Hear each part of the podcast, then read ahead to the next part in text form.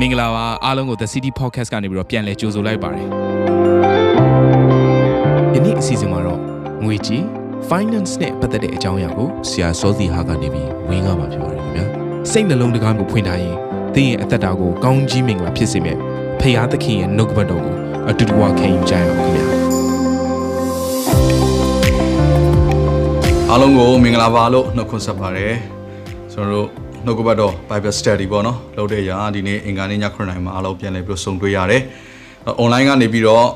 ကြည့်ရှုပြီးတော့မိမိအသက်တာကိုတိဆောက်ဖို့ရန်အတွက်ခွန်အားယူမဲ့ညီကောင်မောင်တို့အားလုံးကို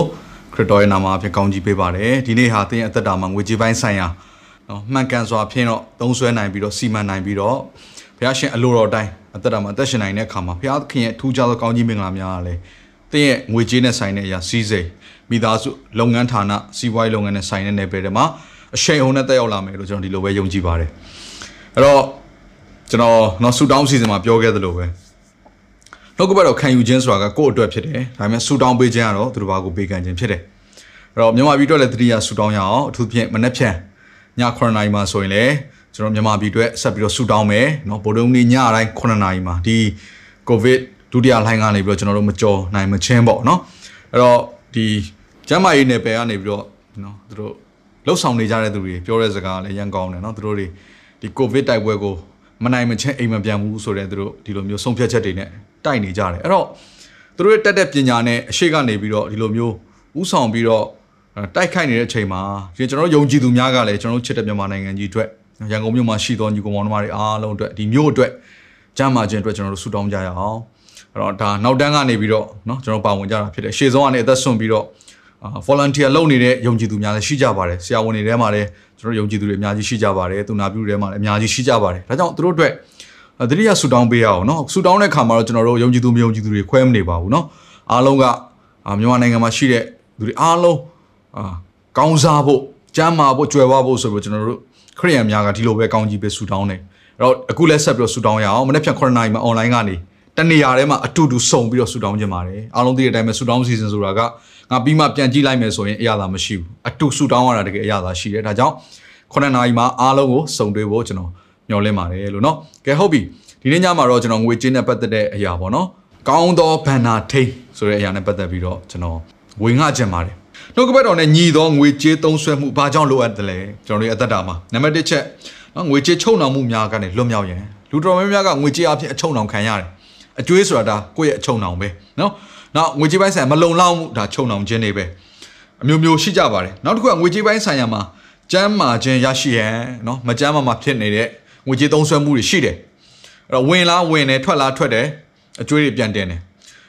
နော်ဝင်ငွေတွေအများကြီးရှိရတာနဲ့ကိုယ့်ရဲ့ဘဝမှာဝမ်းမြောက်ခြင်းမခံစားရဘူးကြွယ်ဝခြင်းဆိုတဲ့အရာတော့မခံစားရဘူးအဲ့ဒါဘာဖြစ်နေတာလဲငွေကြေးပိုင်းသုံးစွဲမှုပိုင်းဆိုင်ရာမှာစီမံခန့်ခွဲမှုပိုင်းဆိုင်ရာမှာလိုအပ်ချက်တွေရှိနေတယ်မကြမ်းပါဘူးအဲ့တော့ healthy ဖြစ်ဖို့လိုတယ်ငွေကြေးပိုင်းဆိုင်ရာ နံပါတ်3ချက်ငွေကြေးသုံးစွဲမှုမှာတန်ရှင်းခြင်းရှိရန်ဘုရားသခင်ကျွန်တော်တို့ကိုတန်ရှင်းခြင်းဆိုတဲ့အကြောင်းအရာကိုပြောတဲ့အခါမှာကျွန်တော်တို့ရဲ့အကျင့်အကြံအပြုတ်မှုအပြောဆိုအနေထားအားလုံးပါတယ်။ကျွန်တော်တို့ရဲ့အသက်တာကိုလွှမ်းမိုးတဲ့အရာတစ်ခုကဘာလဲဆိုရင်တော်တော်များများလွှမ်းမိုးတဲ့အရာတစ်ခုကငွေကြေးဖြစ်တယ်။အဲ့တော့ငွေကြေးသုံးစွဲခြင်းမှာမှားသွားပြီဆိုရင်ငွေကြေးသုံးစွဲခြင်းမှာဘုရားသခင်နီးလန်းနဲ့မကိုက်ညီဘူးဆိုရင်ဒါဟာညဉ့်ညူးခြင်းပဲ။နော်ဒါဟာတန်ရှင်းသောငွေကြေးသုံးစွဲမှုမဟုတ်ဘူး။ဒါကြောင့်ကျွန်တော်တို့က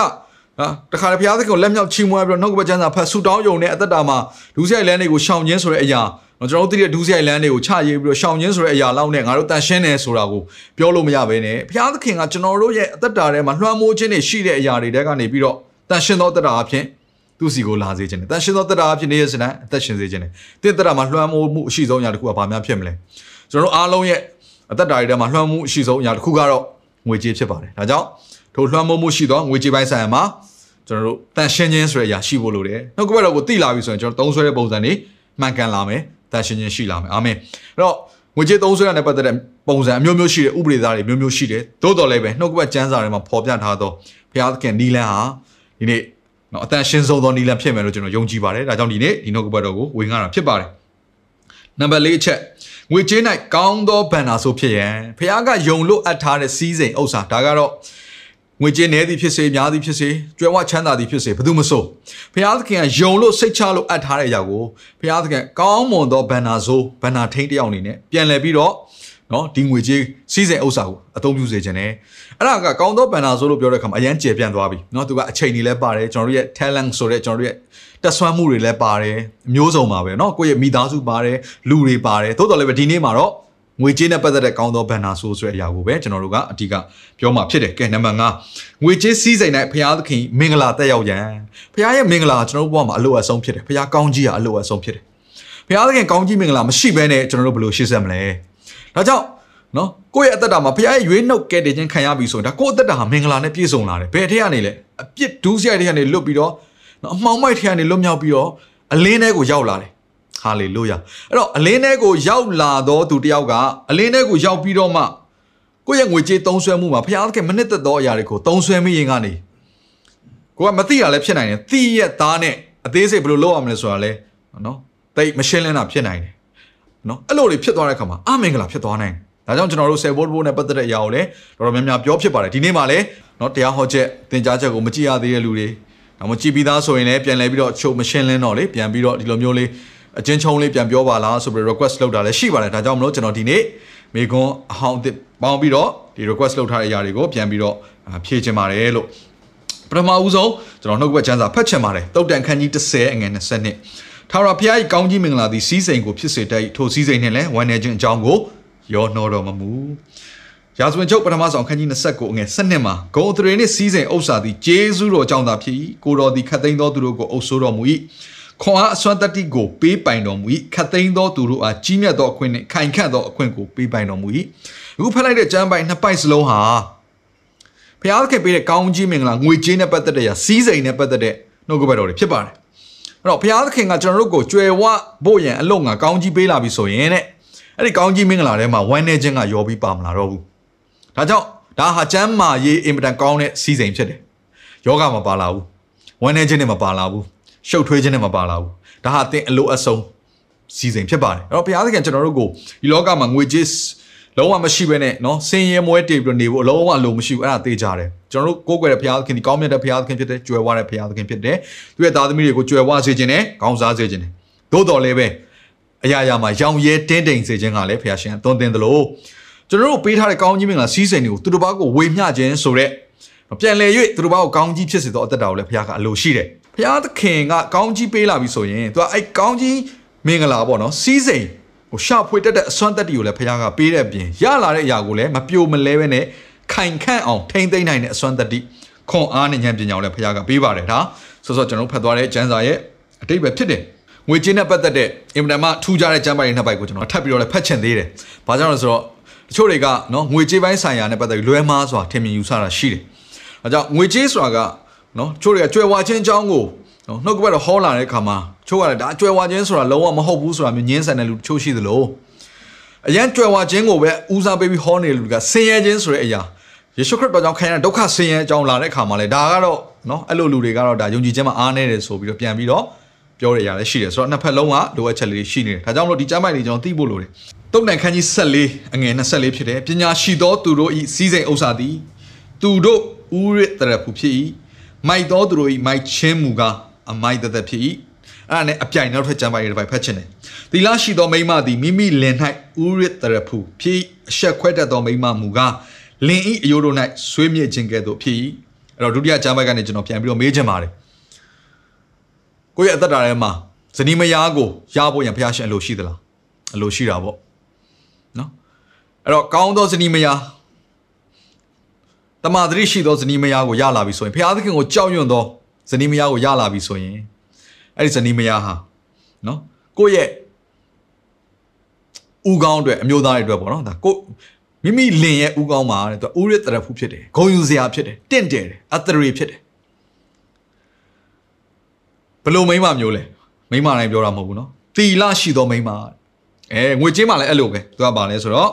ပညာရှိသောသူတို့၏စီးစိမ်ဥစ္စာသည်သူတို့၏ဥရတရဖူဖြစ်၏အဲ့တော့ဘုရားသခင်စီးစိမ်ရှိစေခြင်းတယ်။ तू ကစီးစိမ်ရှိဖို့ကိုလည်းကောင်းကြီးပေးတယ်။ဒါ तू तू ကသူ့ရဲ့သားသမီးတိုင်းကိုကြွယ်ဝစေခြင်းတယ်။ဒါအမှန်တကယ်ကိုဒါဒါတမန်တရားပဲနော်။အမှန်တရားတော့မဟုတ်ဒါတမန်တရား။ဒါပေမဲ့ဘလို့လူမျိုးရဲ့စီးစိမ်ကဥရတရဖူဖြစ်တာလေ။အတရေရှိတာလေ။မင်္ဂလာရှိတာလေ။တင့်တယ်တာလေ။ကောင်းကြီးမင်္ဂလာဖြစ်တာလေ။ပညာရှိသောသူတို့၏စီးစိမ်ဥစ္စာ။ဒါကြောင့် ဘုရားသခင်ရဲ့ကောင်းကြီးမင်္ဂလာမှာ तू ကစီးစိမ်ဥစ္စာငွေကြေးလို့ပြောလာပြီဆိုဘာနဲ့တွဲပါလာလဲဆိုရင်ပညာဆိုတာနဲ့အရာတွဲပါလာတယ်ကောင်းကြီးဘလောက်ပဲရရပညာဉာဏ်မရှိဘူးဘုရားပေးတဲ့ဉာဏ်ပညာမရှိဘူးဆိုရင် तू ကငွေကြေးတွေအလွဲသုံးရောမှားယွင်းတဲ့နေရာမှာအသုံးပြုတဲ့အခါမှာဘာဖြစ်လဲအမင်္ဂလာဖြစ်သွားတယ်အတရေမရှိတော့ဘူးစီးစိမ်ရှိလားရှိတယ်ဘာဘာမရှိဘူးလဲအတရေမရှိဘူးနော်တင့်တယ်ခြင်းမရှိဘူးမင်္ဂလာကိုမမြင်ရဘူးဝမ်းနေခြင်းတွေပူဆွေးခြင်းတွေလှည့်ဖျားခြင်းတွေဒါတွေပဲတွေ့နေရတယ်အဲ့တော့ ငွေကြေးပိုင်းဆိုင်ရာမှာကျွန်တော်ကျမ်းမာခြင်းရှိဖို့လိုတယ်လွတ်မြောက်ခြင်းရှိဖို့လိုတယ်တန်ရှင်းခြင်းရှိဖို့လိုတယ်ဟာလေလုယာဒါကြောင့်မလို့ဒီနေ့ဒီနှုတ်ကပတ်တော်တိတ်ပြီးတော့အရေးကြီးပါတယ်နော်ဒါယောက်ျားတိုင်းရဲ့နော်ဘဝထဲမှာတီလာရှိသောအမျိုးသမီးလိုအပ်တယ်လို့ပဲကျွန်တော်ယုံကြည်သူတိုင်းရဲ့အသက်တာထဲမှာပညာနဲ့ပြည့်ဝတဲ့စီးစိမ်ဥစ္စာလူတိုင်းအသက်တာမှာဖျားရှိစေခြင်းပါတယ်ပညာလည်းရှိရမယ်အဲစီးစိမ်ရှာတတ်တဲ့အစွမ်းတတိလည်းရှိရမယ်စီးစိမ်ရလာရင်ထိမ့်သိမ့်ပြီးတော့တိုးပေါအောင်လုပ်တတ်ခြင်းနဲ့ နော်ပြန်လဲပြီးတော့စီမကောင်းမှုဆိုတာစီမံခန့်ခွဲပြီးတော့သုံးနိုင်တဲ့အဲ့ဒီအစွမ်းတတိခွန်အားကိုဉာဏ်ပညာကိုဖခင်ကပေးခြင်းပါတယ်ဒီနေ့သင်ထိုးရောက်ခံယူဖို့အစနစ်ပြင်ပါဒီနေ့ကျွန်တော်ပေးတဲ့ရောက် information သက်သက်မခံယူပါနဲ့ငါရဲ့အသက်တာမှာနော်စီးစိမ်ရတဲ့အစွမ်းတတိကိုကိုတော့ပေးပါဆိုတဲ့အဲ့ငွေချင်းနဲ့ဆိုင်တဲ့ဒီကောင်းကြီးမင်္ဂလာကိုရှာဖွေခြင်းနဲ့ဆိုင်တဲ့ဘုရားသခင်ရဲ့ဗိသိက်ဉာဏ်ပညာပြီးတော့အဲ့ရရှိလာတဲ့စီးစိမ်ဥစ္စာကိုလည်းတိုးပွားခြင်းသာမကကောင်းမှုစွာပြန်လဲစီမံခန့်ခွဲနိုင်တဲ့ မှန်ကန်တဲ့နီးတဲ့နီးလန်းနေနေရာတွေမှာသုံးနေသုံးနိုင်တဲ့နော်အဲ့ဒီဉာဏ်ပညာပညာရှိတဲ့နော်ဝမ်းမြောက်ခြင်းနဲ့ပြည့်နေတဲ့စီးစိမ်ကိုရရှိထားသောသူတယောက်ဖြစ်ဖို့ရန်အတွက်ဒီနေ့စပြီးတော့တင့်ရဲ့တက်တာကိုစက္ကပ်ပါဟာလေလုယာအဲ့တော့ဒီရာဟာတင့်အတွက်အင်မတန်မှထူးခြားတဲ့နော်ဒါ revelation ဖြစ်ပါလိမ့်မယ်နော်ကျွန်တော်တို့ကဒီဂျာမန်နံပါတ်ကိုခွဲခွဲပြီးတော့ဖတ်ကြတယ်လीဒါပေမဲ့ဒီနေ့မှာတော့ဒါကိုသိစေချင်တယ်ပညာရှိသောသူရဲ့စီးစိမ်နဲ့သီလရှိသောမိမအဲ့ဒါဟာသူနဲ့သက်ဆိုင်သောသူအတွက်ဥရတရဖူဖြစ်တယ် အတရေတင့်တယ်ခြင်းဖြစ်တယ်ဟာလေလုယာကဲအဲ့တော့ကျွန်တော်အရင်ဆုံးเนาะနောက်ထပ်တစ်ခုကြည့်အောင်ကဲငွေကြေးစည်းစိမ်အဖြစ်ဘုရားသခင်မလုတ်ခိုင်းသောအရာ၅ချက်ငွေကြေးစည်းစိမ်ရှိလာပြီဆိုရင်မလုတ်ရမယ့်အရာကျွန်တော်သိဖို့လိုတယ်လုတ်ရမယ့်အရာသိဖို့လိုတယ်ကဲအရင်ဆုံးမလုတ်ရမယ့်အရာနံပါတ်တစ်ချက်ကိုးကွယ်သည့်အရာမဖြစ်ရဘူးเนาะဒါရုပ်တုစင်တုပုံစံမဖြစ်သွားရဘူးเนาะကိုကိုဘောရမှာကိုရဲ့ကိုးကွယ်ခြင်းဆိုတဲ့အရာဖြစ်မသွားဘူးနောက်တစ်ခုကပါလဲ love of money ငွေကြေးကိုတက်မှတ်ခြင်းဆိုတဲ့အရာသူတက်မှတ်လိုက်ပြီဆိုရင်ဆွဲလန်းခြင်းဆိုတဲ့အရာအလိုလိုပါပြီးသားဖြစ်တယ်ဆွဲလန်းပြီဆိုရင်ကိုဆွဲလန်းတဲ့အရာကိုရဲ့ဖျားပဲဒါကြောင့်မလို့ဘုရားသခင်လောကမဖြစ်စေခြင်းဘူးဒါကြောင့်ကျမ်းပိုက်တစ်ဘက်ကဘာပြောလဲတန်ကြေးပိုးရမဖြက်စီး၍တခိုးမထွန်းမဖောက်မခိုးမယူကြကောင်းငင်ဘုံ၌ဘန္နာကိုစီးပူကြလောအကြောင်းမူကားအကျင့်ရ၌တင်တို့ဘန္နာရှိထိုရက်တို့တင်တို့၏စိတ်နှလုံးရောက်တတ်၏ဖခင်ကကောင်းငင်ဘန္နာကိုစီးပူခိုင်းတယ်เนาะဒီဒါကျွန်တော်ဒါမသက်ခန်းကြီး6မှာဒီဇလန်ကိုအပြည့်စုံကြည့်လိုက်မယ်ဆိုရင်သူက ဒီလောကရဲ့စီးစိမ်ကိုသုံးပြီးတော့ဒီလောကရဲ့ဘန်နာကိုသုံးပြီးတော့ကောင်းကင်ဘန်နာကိုစီးပူးတဲ့နီးကိုယေရှုကသင်ပေးသွားတယ်။သူကဆွဲလန်းစေခြင်းတဲ့အရာကကောင်းကင်ဘန်နာ။အဲ့ဒီအောင်ဆွဲလန်းပြီးတော့လောကမှာရှိနေတဲ့ကိုယ့်ရဲ့ဖျားရှင်ကောင်းကြီးပေးတဲ့မြေကြီးဘန်နာကိုသုံးပါ။ဘာကိုဆွဲလန်းရမလဲဆွဲလန်းတာတော့အထက်ရ။ဒါပေမဲ့သုံးဆွဲခြင်းတော့ဗာလဲ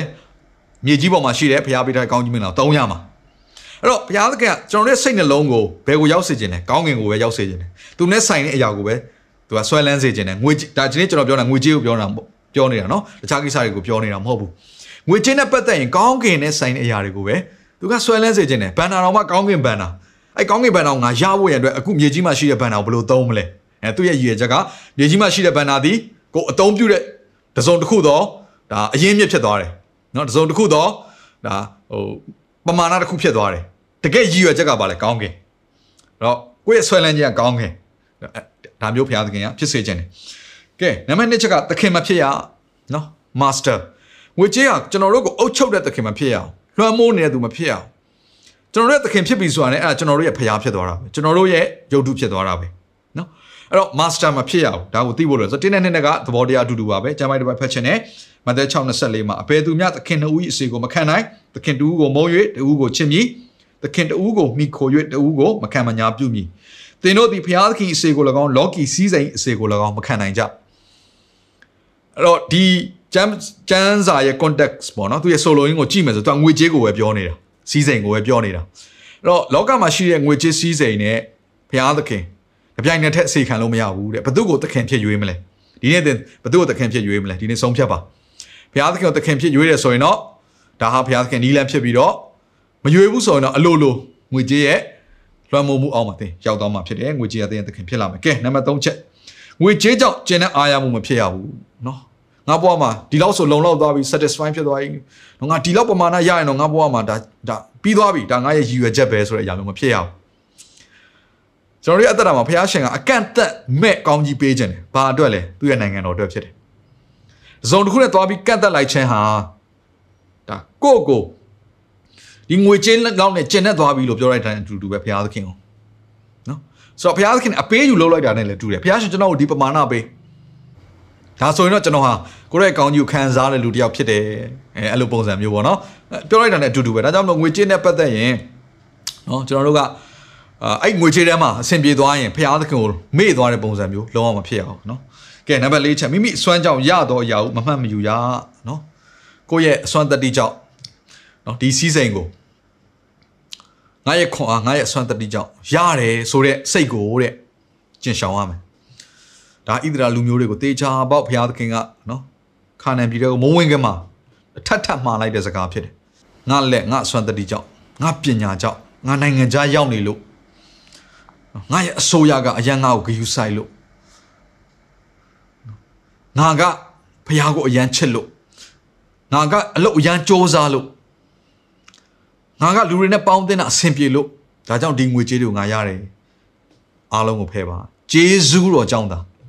ငါဒီကောင်းကြီးမင်္ဂလာကိုခံစားရတာဖြစ်တယ်အဲ့စိတ်ကိုအမြဲတမ်းဆွဲလန်းရမယ်ကဲနံပါတ်5ပေးကမ်းခြင်းတဲ့စိတ်ကိုမချုပ်တီးရဘူး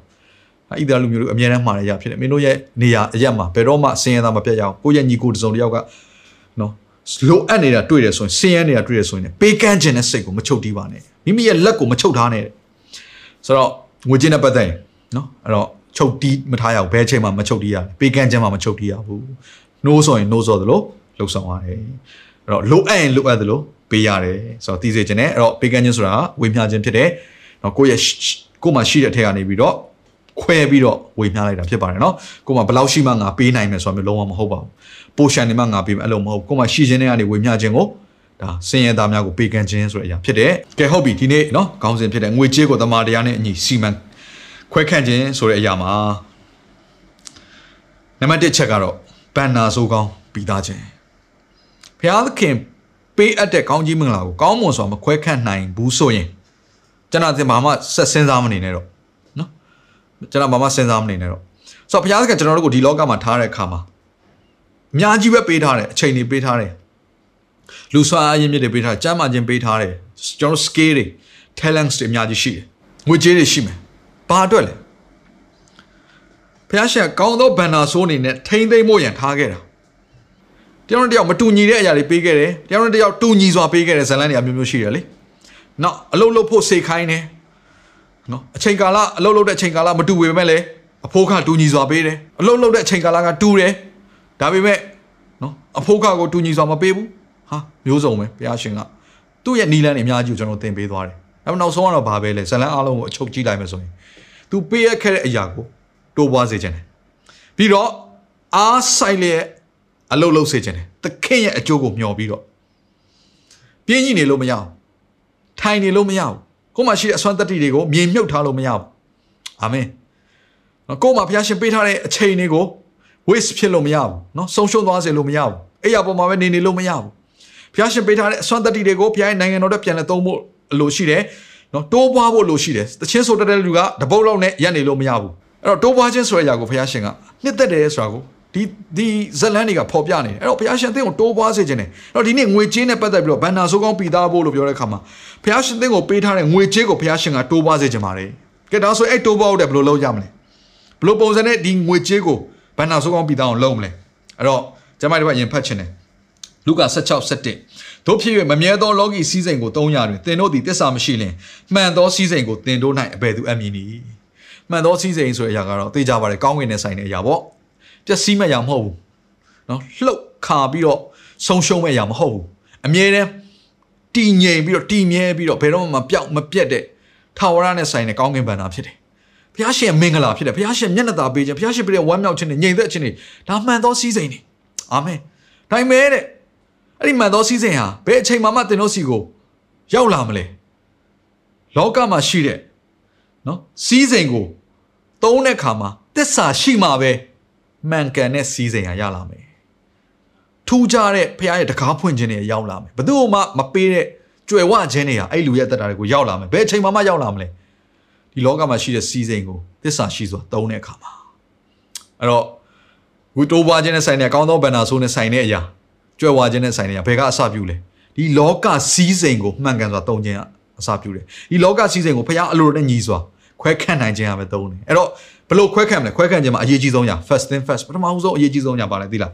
ဆယ်ဖို့တဖို့ဒါကြောင့်မလို့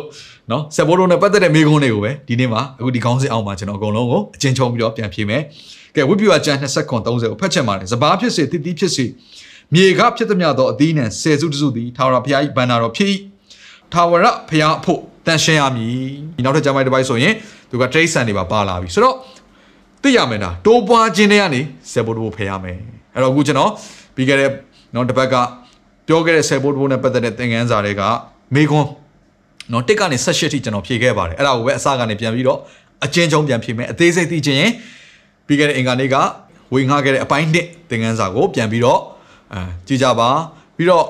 အပို့ပြီးတော့လေ့လာခြင်းနဲ့ဆိုရင်ပေါ့နော်ကျွန်တော် YouTube channel ရှိပါတယ်နော် YouTube YouTube ထဲမှာ The City TV နော် YouTube channel ရှိတယ်အဲ့ link လေးကိုလည်းကျွန်တော်တို့ဒီ post မှာကျွန်တော်ပေးထားပါတယ်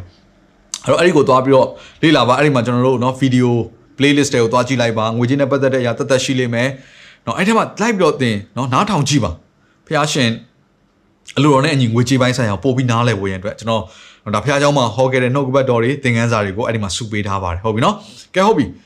ဒါမေကွန်ကဲတစ်ကနေကျွန်တော်ကြည့်အောင်မေကွန်တစ်ကဆယ်ဘိုးတပုတ်ကိုဘယ်အထက်ကဖယ်ရမှာလဲမေကွန်နှစ်ကတော့အချိန်ကို score ဆယ်ဘိုးတပုတ်ခွဲပေးဖို့လိုမလားဇာတဘောသဘောတရားပေါ့နော်အတူတူဖြစ်တဲ့ကြောင့်မလို့ကျွန်တော်ဒါပေါင်းပြီးဖြေပါမယ်ဆယ်ဘိုးတပုတ်ကိုဘယ်ထက်ကဖယ်ရမလဲဆိုတော့တိုးပွားခြင်းနဲ့ဖယ်ရမှာဖြစ်ပါတယ်အရင်တည်းကမဖယ်ရပါဘူးတင်မှာရှိပြီးသားတွေကမဖယ်ရပါဘူးဒါကြောင့်မလို့မေကွန်နှစ်ဖြစ်တဲ့အချိန်ကိုကောဆယ်ဘိုးတပုတ်ခွဲပေးလို့ရဖို့လိုမလားဆိုတာကမလိုပါဘူးအချိန်ကအားလုံးအတူတူပဲ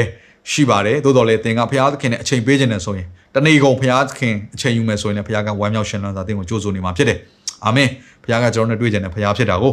2နာရီနဲ့24မိနစ်ဆိုတဲ့အရာပေါ့နော်မလိုပါဘူးโอเคအဲ့တော့ဆယ်ဘိုးတဘိုးကိုဒါအမျက်ထဲကဖယ်ရတာဖြစ်တဲ့စီးပွားရေးလုပ်တဲ့လူတွေဆိုရင်အဲ့တော့ကို့အရင်ကဘယ်လောက်လဲစင်းစရာတေချာပြုစုဖို့လို့လေကျွန်တော်တို့ယုံကြည်သူများချုပ်တော်တော်များများအားနေချက်မြန်မာပြည်မှာရှိတဲ့လူတွေစင်းစရာတေချာမလုပ်ကြဘူးဟိုဒီနေ့မှလည်းဒါစီမံခန့်ခွဲခြင်းလို့ပြောတဲ့အခါမှာစင်းစရာအရန်ရေးကြီးသွားပြီ ကျွန်တော်ရဲ့ live ကိုတကယ် change ဖြစ်စေတဲ့အရာတွေเนาะဒီအလေးကျင့်ကောင်းတွေတခုတည်းကတခုကပါလဲဆိုတော့ကျွန်တော်တို့စင်းရင်မှတ်တာအဲ့တော့အမျက်ထဲကနေပဲဖယ်ပါဒါကြောင့်အလုပ်လုပ်ပြီးလာကကြရင်အဲ့ဒါအမျက်ဖြစ်တယ်เนาะသင်ကအချိန်နဲ့သင်ရခွန်အားသင်ရ scale တွေကိုရင်းနှီးပြီးတော့ဒါအလုပ်လုပ်လိုက်တာကုမ္ပဏီကတင်ကိုလာကပြန်ပေးတယ်အဲ့ဒါအမြတ်လို့ခေါ်တယ်โอเคအဲဆိုသဘောပေါက်မယ်လို့ယုံကြည်တယ်ကဲမေကွန်း3အမှုတော်ဆောင်တွေကိုဓာတ်ရိုက်ပေးလို့ရသလားဆိုတော့ကျွန်တော်အမှုတော်ဆောင်တွေကိုဓာတ်ရိုက်ပေးလို့မရဘူးလို့ဘယ်တော့မှမဖြစ်ခဲ့ပါဘူး တခုပဲပြောခဲ့တယ်အမှုတော်ဆောင်တွေကိုပေးလို့ရတယ်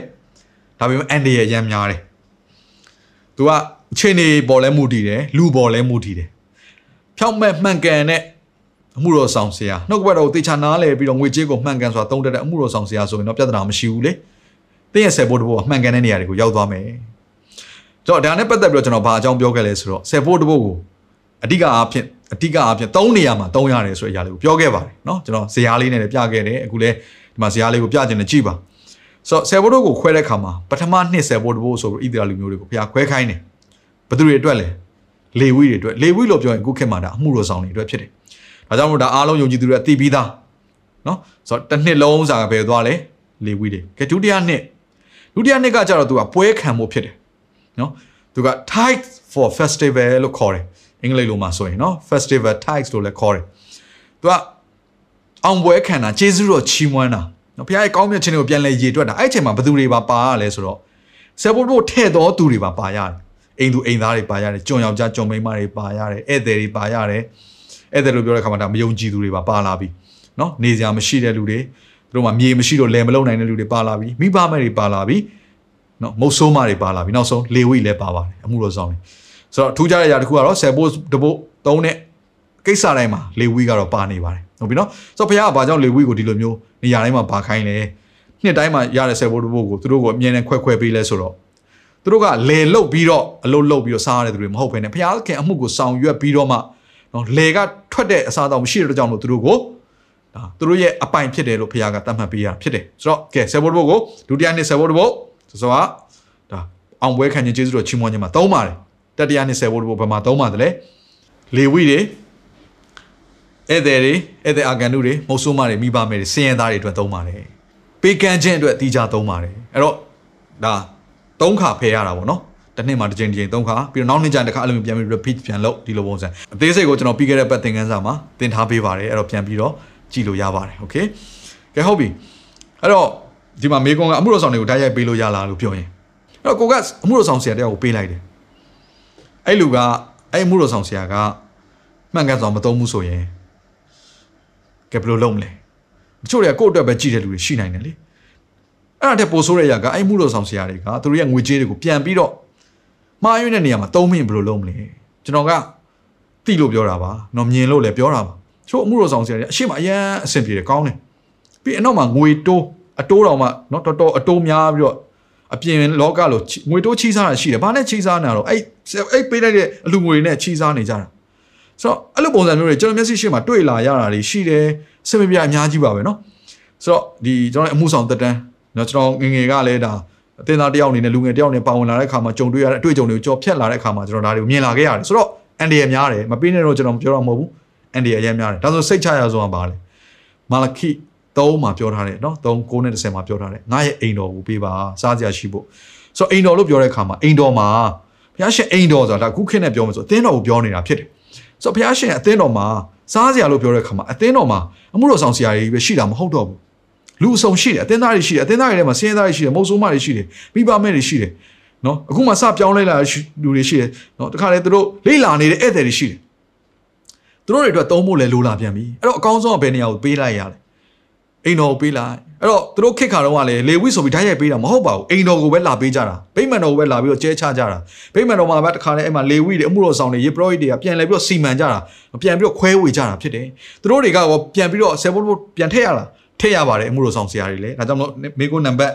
၄မှာမိသားစုဝင်ထဲမှာအမှုတော်ဆောင်ကိုဆယ်ဘုတ်ပေးလို့ရပါသလားဆိုတော့ပေးလို့မရဘူးလို့တော့ကျွန်တော်မပြောချင်ဘူးသို့တော်လည်းပဲဆော့ဆော့ပထမနံပါတ်3မေကိုနဲ့သဘောတရားတူပါတယ်အမှုတော်ဆောင်ကိုပေးလိုက်ရင် အမှုတော်ဆောင်စီပဲရောက်သွားမယ်ဆိုတော့ကျွန်တော်ဥပမာလေးပြောခဲ့တယ်ကျွန်တော်နဲ့ကျွန်တော်ဇနီးတဲ့နှစ်ယောက်လုံးအမှုတော်ဆောင်လေကဲကျွန်တော်ကျွန်တော်ရဲ့ဆယ်ဘိုးတို့ကိုအမှုတော်ဆောင်ဆရာကိုပေးရမယ်ဆိုတော့ကျွန်တော်ဇနီးတဲ့ကိုပေးလိုက်မယ်ကျွန်တော်ဇနီးဇနီးတဲ့ကလည်းသူရတဲ့ကောင်းကြီးမင်္ဂလာတဲ့ဆယ်ဘိုးတို့ကိုနော်သူကအမှုတော်ဆောင်ဆရာကိုပေးလာပေးရမယ်ဆိုတော့ကျွန်တော်ကိုလာပြီးတော့ပေးမယ်အဲ့တော့ဘာဖြစ်လဲဆယ်ဘိုးတို့ကကျွန်တော်တို့အိမ်ထဲမှာပဲအိမ်သုံးစီပြန်ဖြစ်သွားရောအဲ့တော့ကျွန်တော်တို့နှစ်ယောက်ကဘယ်ကိုသွားပေးရတယ်တကယ်တော့အသင်းတော်ကိုသွားပြီးထည့်ရတာဖြစ်တယ်ကျွန်တော်တို့ရဲ့နော်ကျွန်တော်တို့ဥဆောင်တဲ့အမှုဆောင်လုပ်ငန်းထဲမှာပြန်ပါဝင်ရတာ ဆယ်ဘိုးတို့ဆိုပြီးတော့အဲ့တော့အကောင်းဆုံးကစိတ်ချရဆုံးကဘယ်ကိုလဲအသင်းတော်ကိုဖြစ်တယ်အမှုတော်ဆောင်ဆရာတွေစီမဟုတ်ပါဘူးเนาะဒါကြောင့်မို့ဒါကျွန်တော်ရဲ့เนาะဒါရှင်းပြချက်ဖြစ်တယ်ခဲ့မိကုန်းနံပါတ်5အမှုတော်ဆောင်တွေကသူတို့ရဲ့ဆယ်ဘိုးတို့ကိုဘယ်မှာပြန်ထည့်ကြသလဲအဲအဲ့ဒါပဲသူတို့ထည့်ရမယ့်နေရာတနေရာရှိဖို့လိုတယ်အဲ့တော့တချို့တွေကဘယ်မှာမှမထည့်ကိုယ့်ကိုစားပလိုက်ကြတာเนาะငါအမှုတော်ဆောင်ပဲငါရေပရောဟိတ်ပဲအမှုတော်ဆောင်ဆယ်ဘိုးတို့စားပိုင်ခွင့်ရှိတယ်ဆိုတော့ तू ကပြန်ပြီးမထည့်တော့အဲ့တော့လေဝိတွေကသူတို့ဆယ်ဘိုးတို့ကိုပြန်ပြီးတော့ရေပရောဟိတ်မင်းကြီးဖြစ်တဲ့ အာယုံကိုပေးရတယ်အာယုံကရောသူ့ရဲ့ဆယ်ဘိုးတို့ကိုဘယ်မှာပြန်ထည့်မယ်ထင်လဲဗိမာန်တော်ထဲမှာပဲပြန်ထည့်ရတာပေါ့အဲ့တော့ဆယ်ဘိုးတစ်ပုတ်ဆိုတာကလူတိုင်းလူတိုင်းအတွက်မဖြစ်မနေခွဲရတဲ့အရာတစ်ခုဖြစ်တယ်တန်ရှင်းသောဖခင်ရဲ့ဘန်နာဖြစ်တယ်လို့ပြောထားပါတယ်ကဲမေကွန်နံပါတ်6မိမိတက်ရောက်နေသောအသင်းတော်ရှိတော်လေအသင်းတော်မှာမဟုတ်သောအခြားဆရာများအားပေးလို့ရပါသလားသူကပေးလိုက်တဲ့အခါမှာအန်ဒီများတယ်နော်ဒါပဲထပ်ပြောချင်ပါတယ်အဲ့တော့အမှုတော်ဆောင်ဆရာတွေဘက်ကလည်းစုံစမ်းနောက်ဆက်ချင်းအများများတယ်အော်ငါ့ကိုဒီတယောက်ကအမြဲတမ်းဆယ်ဘိုးတို့ပေးနေတာကြည်စမ်း ငါ့ကိုဆယ်ဘိုးတို့ပေးတဲ့လူ9ယောက်ရှိတယ်တယောက်ကတော့အများဆုံးပေးတယ်ဒီတယောက်ကတော့လက်လှုပ်လို့မဖြစ်ဘူးအမြဲတမ်း follow လုပ်ရမယ်အဲဒီလိုပုံစံမျိုးလေအဟို9ယောက်ထက်မှတယောက်ကအရန်နေတယ်နော်သူကတော့နည်းနည်းဆင်းရဲနည်းနည်းဆင်းနေဆင်းရဲတယ်အဲ့တော့သူစီကတော့အများကြီးနော်ဆယ်ဘိုးတို့ကတော့မရဘူးဆိုသူကမစင်းစားရင်လည်းခေါင်းထဲမှာသူဆင်းစရာတော့ရှိနိုင်တယ်နော်ဘာကြောင့်လဲသူသိနေတာဟုတ် နော်သူကအမှုတော်ဆောင်လုပ်ငန်းလုပ်တဲ့ခါကျတော့ဒါသူကြည့်ရှုရတဲ့လူတွေကဘလို့အခြေအနေရှိဆိုတော့သိနေပြီးသားပဲအဲ့တော့သူတို့အတွက်လည်းစုံစမ်းနောက်ဆက်ခြင်းများတယ်မျက်နှာလိုက်စရာအကြောင်းတွေရှိလာနိုင်တယ်သူတို့ကိုလည်းသူတို့ရဲ့အတ္တမှာမဖြောင့်မမှန်ကန်မှုတွေကိုတွန်းအားပေးသလိုဖြစ်နေတယ်ဒါကြောင့်မို့တယောက်နဲ့တယောက်ကူညီဖို့ရန်အမှုဆောင်လုပ်ငန်းနဲ့အသင်းတော်တွေကိုပါဝင်ခြင်းသာလည်းအကောင်းဆုံးဖြစ်တယ်အဲ့တော့ကျွန်တော်ပြောမယ်ဆိုတော့ဒီနေရာမှာအရေးကြီးတဲ့ຢာတစ်ခုကဘာလဲဆိုတော့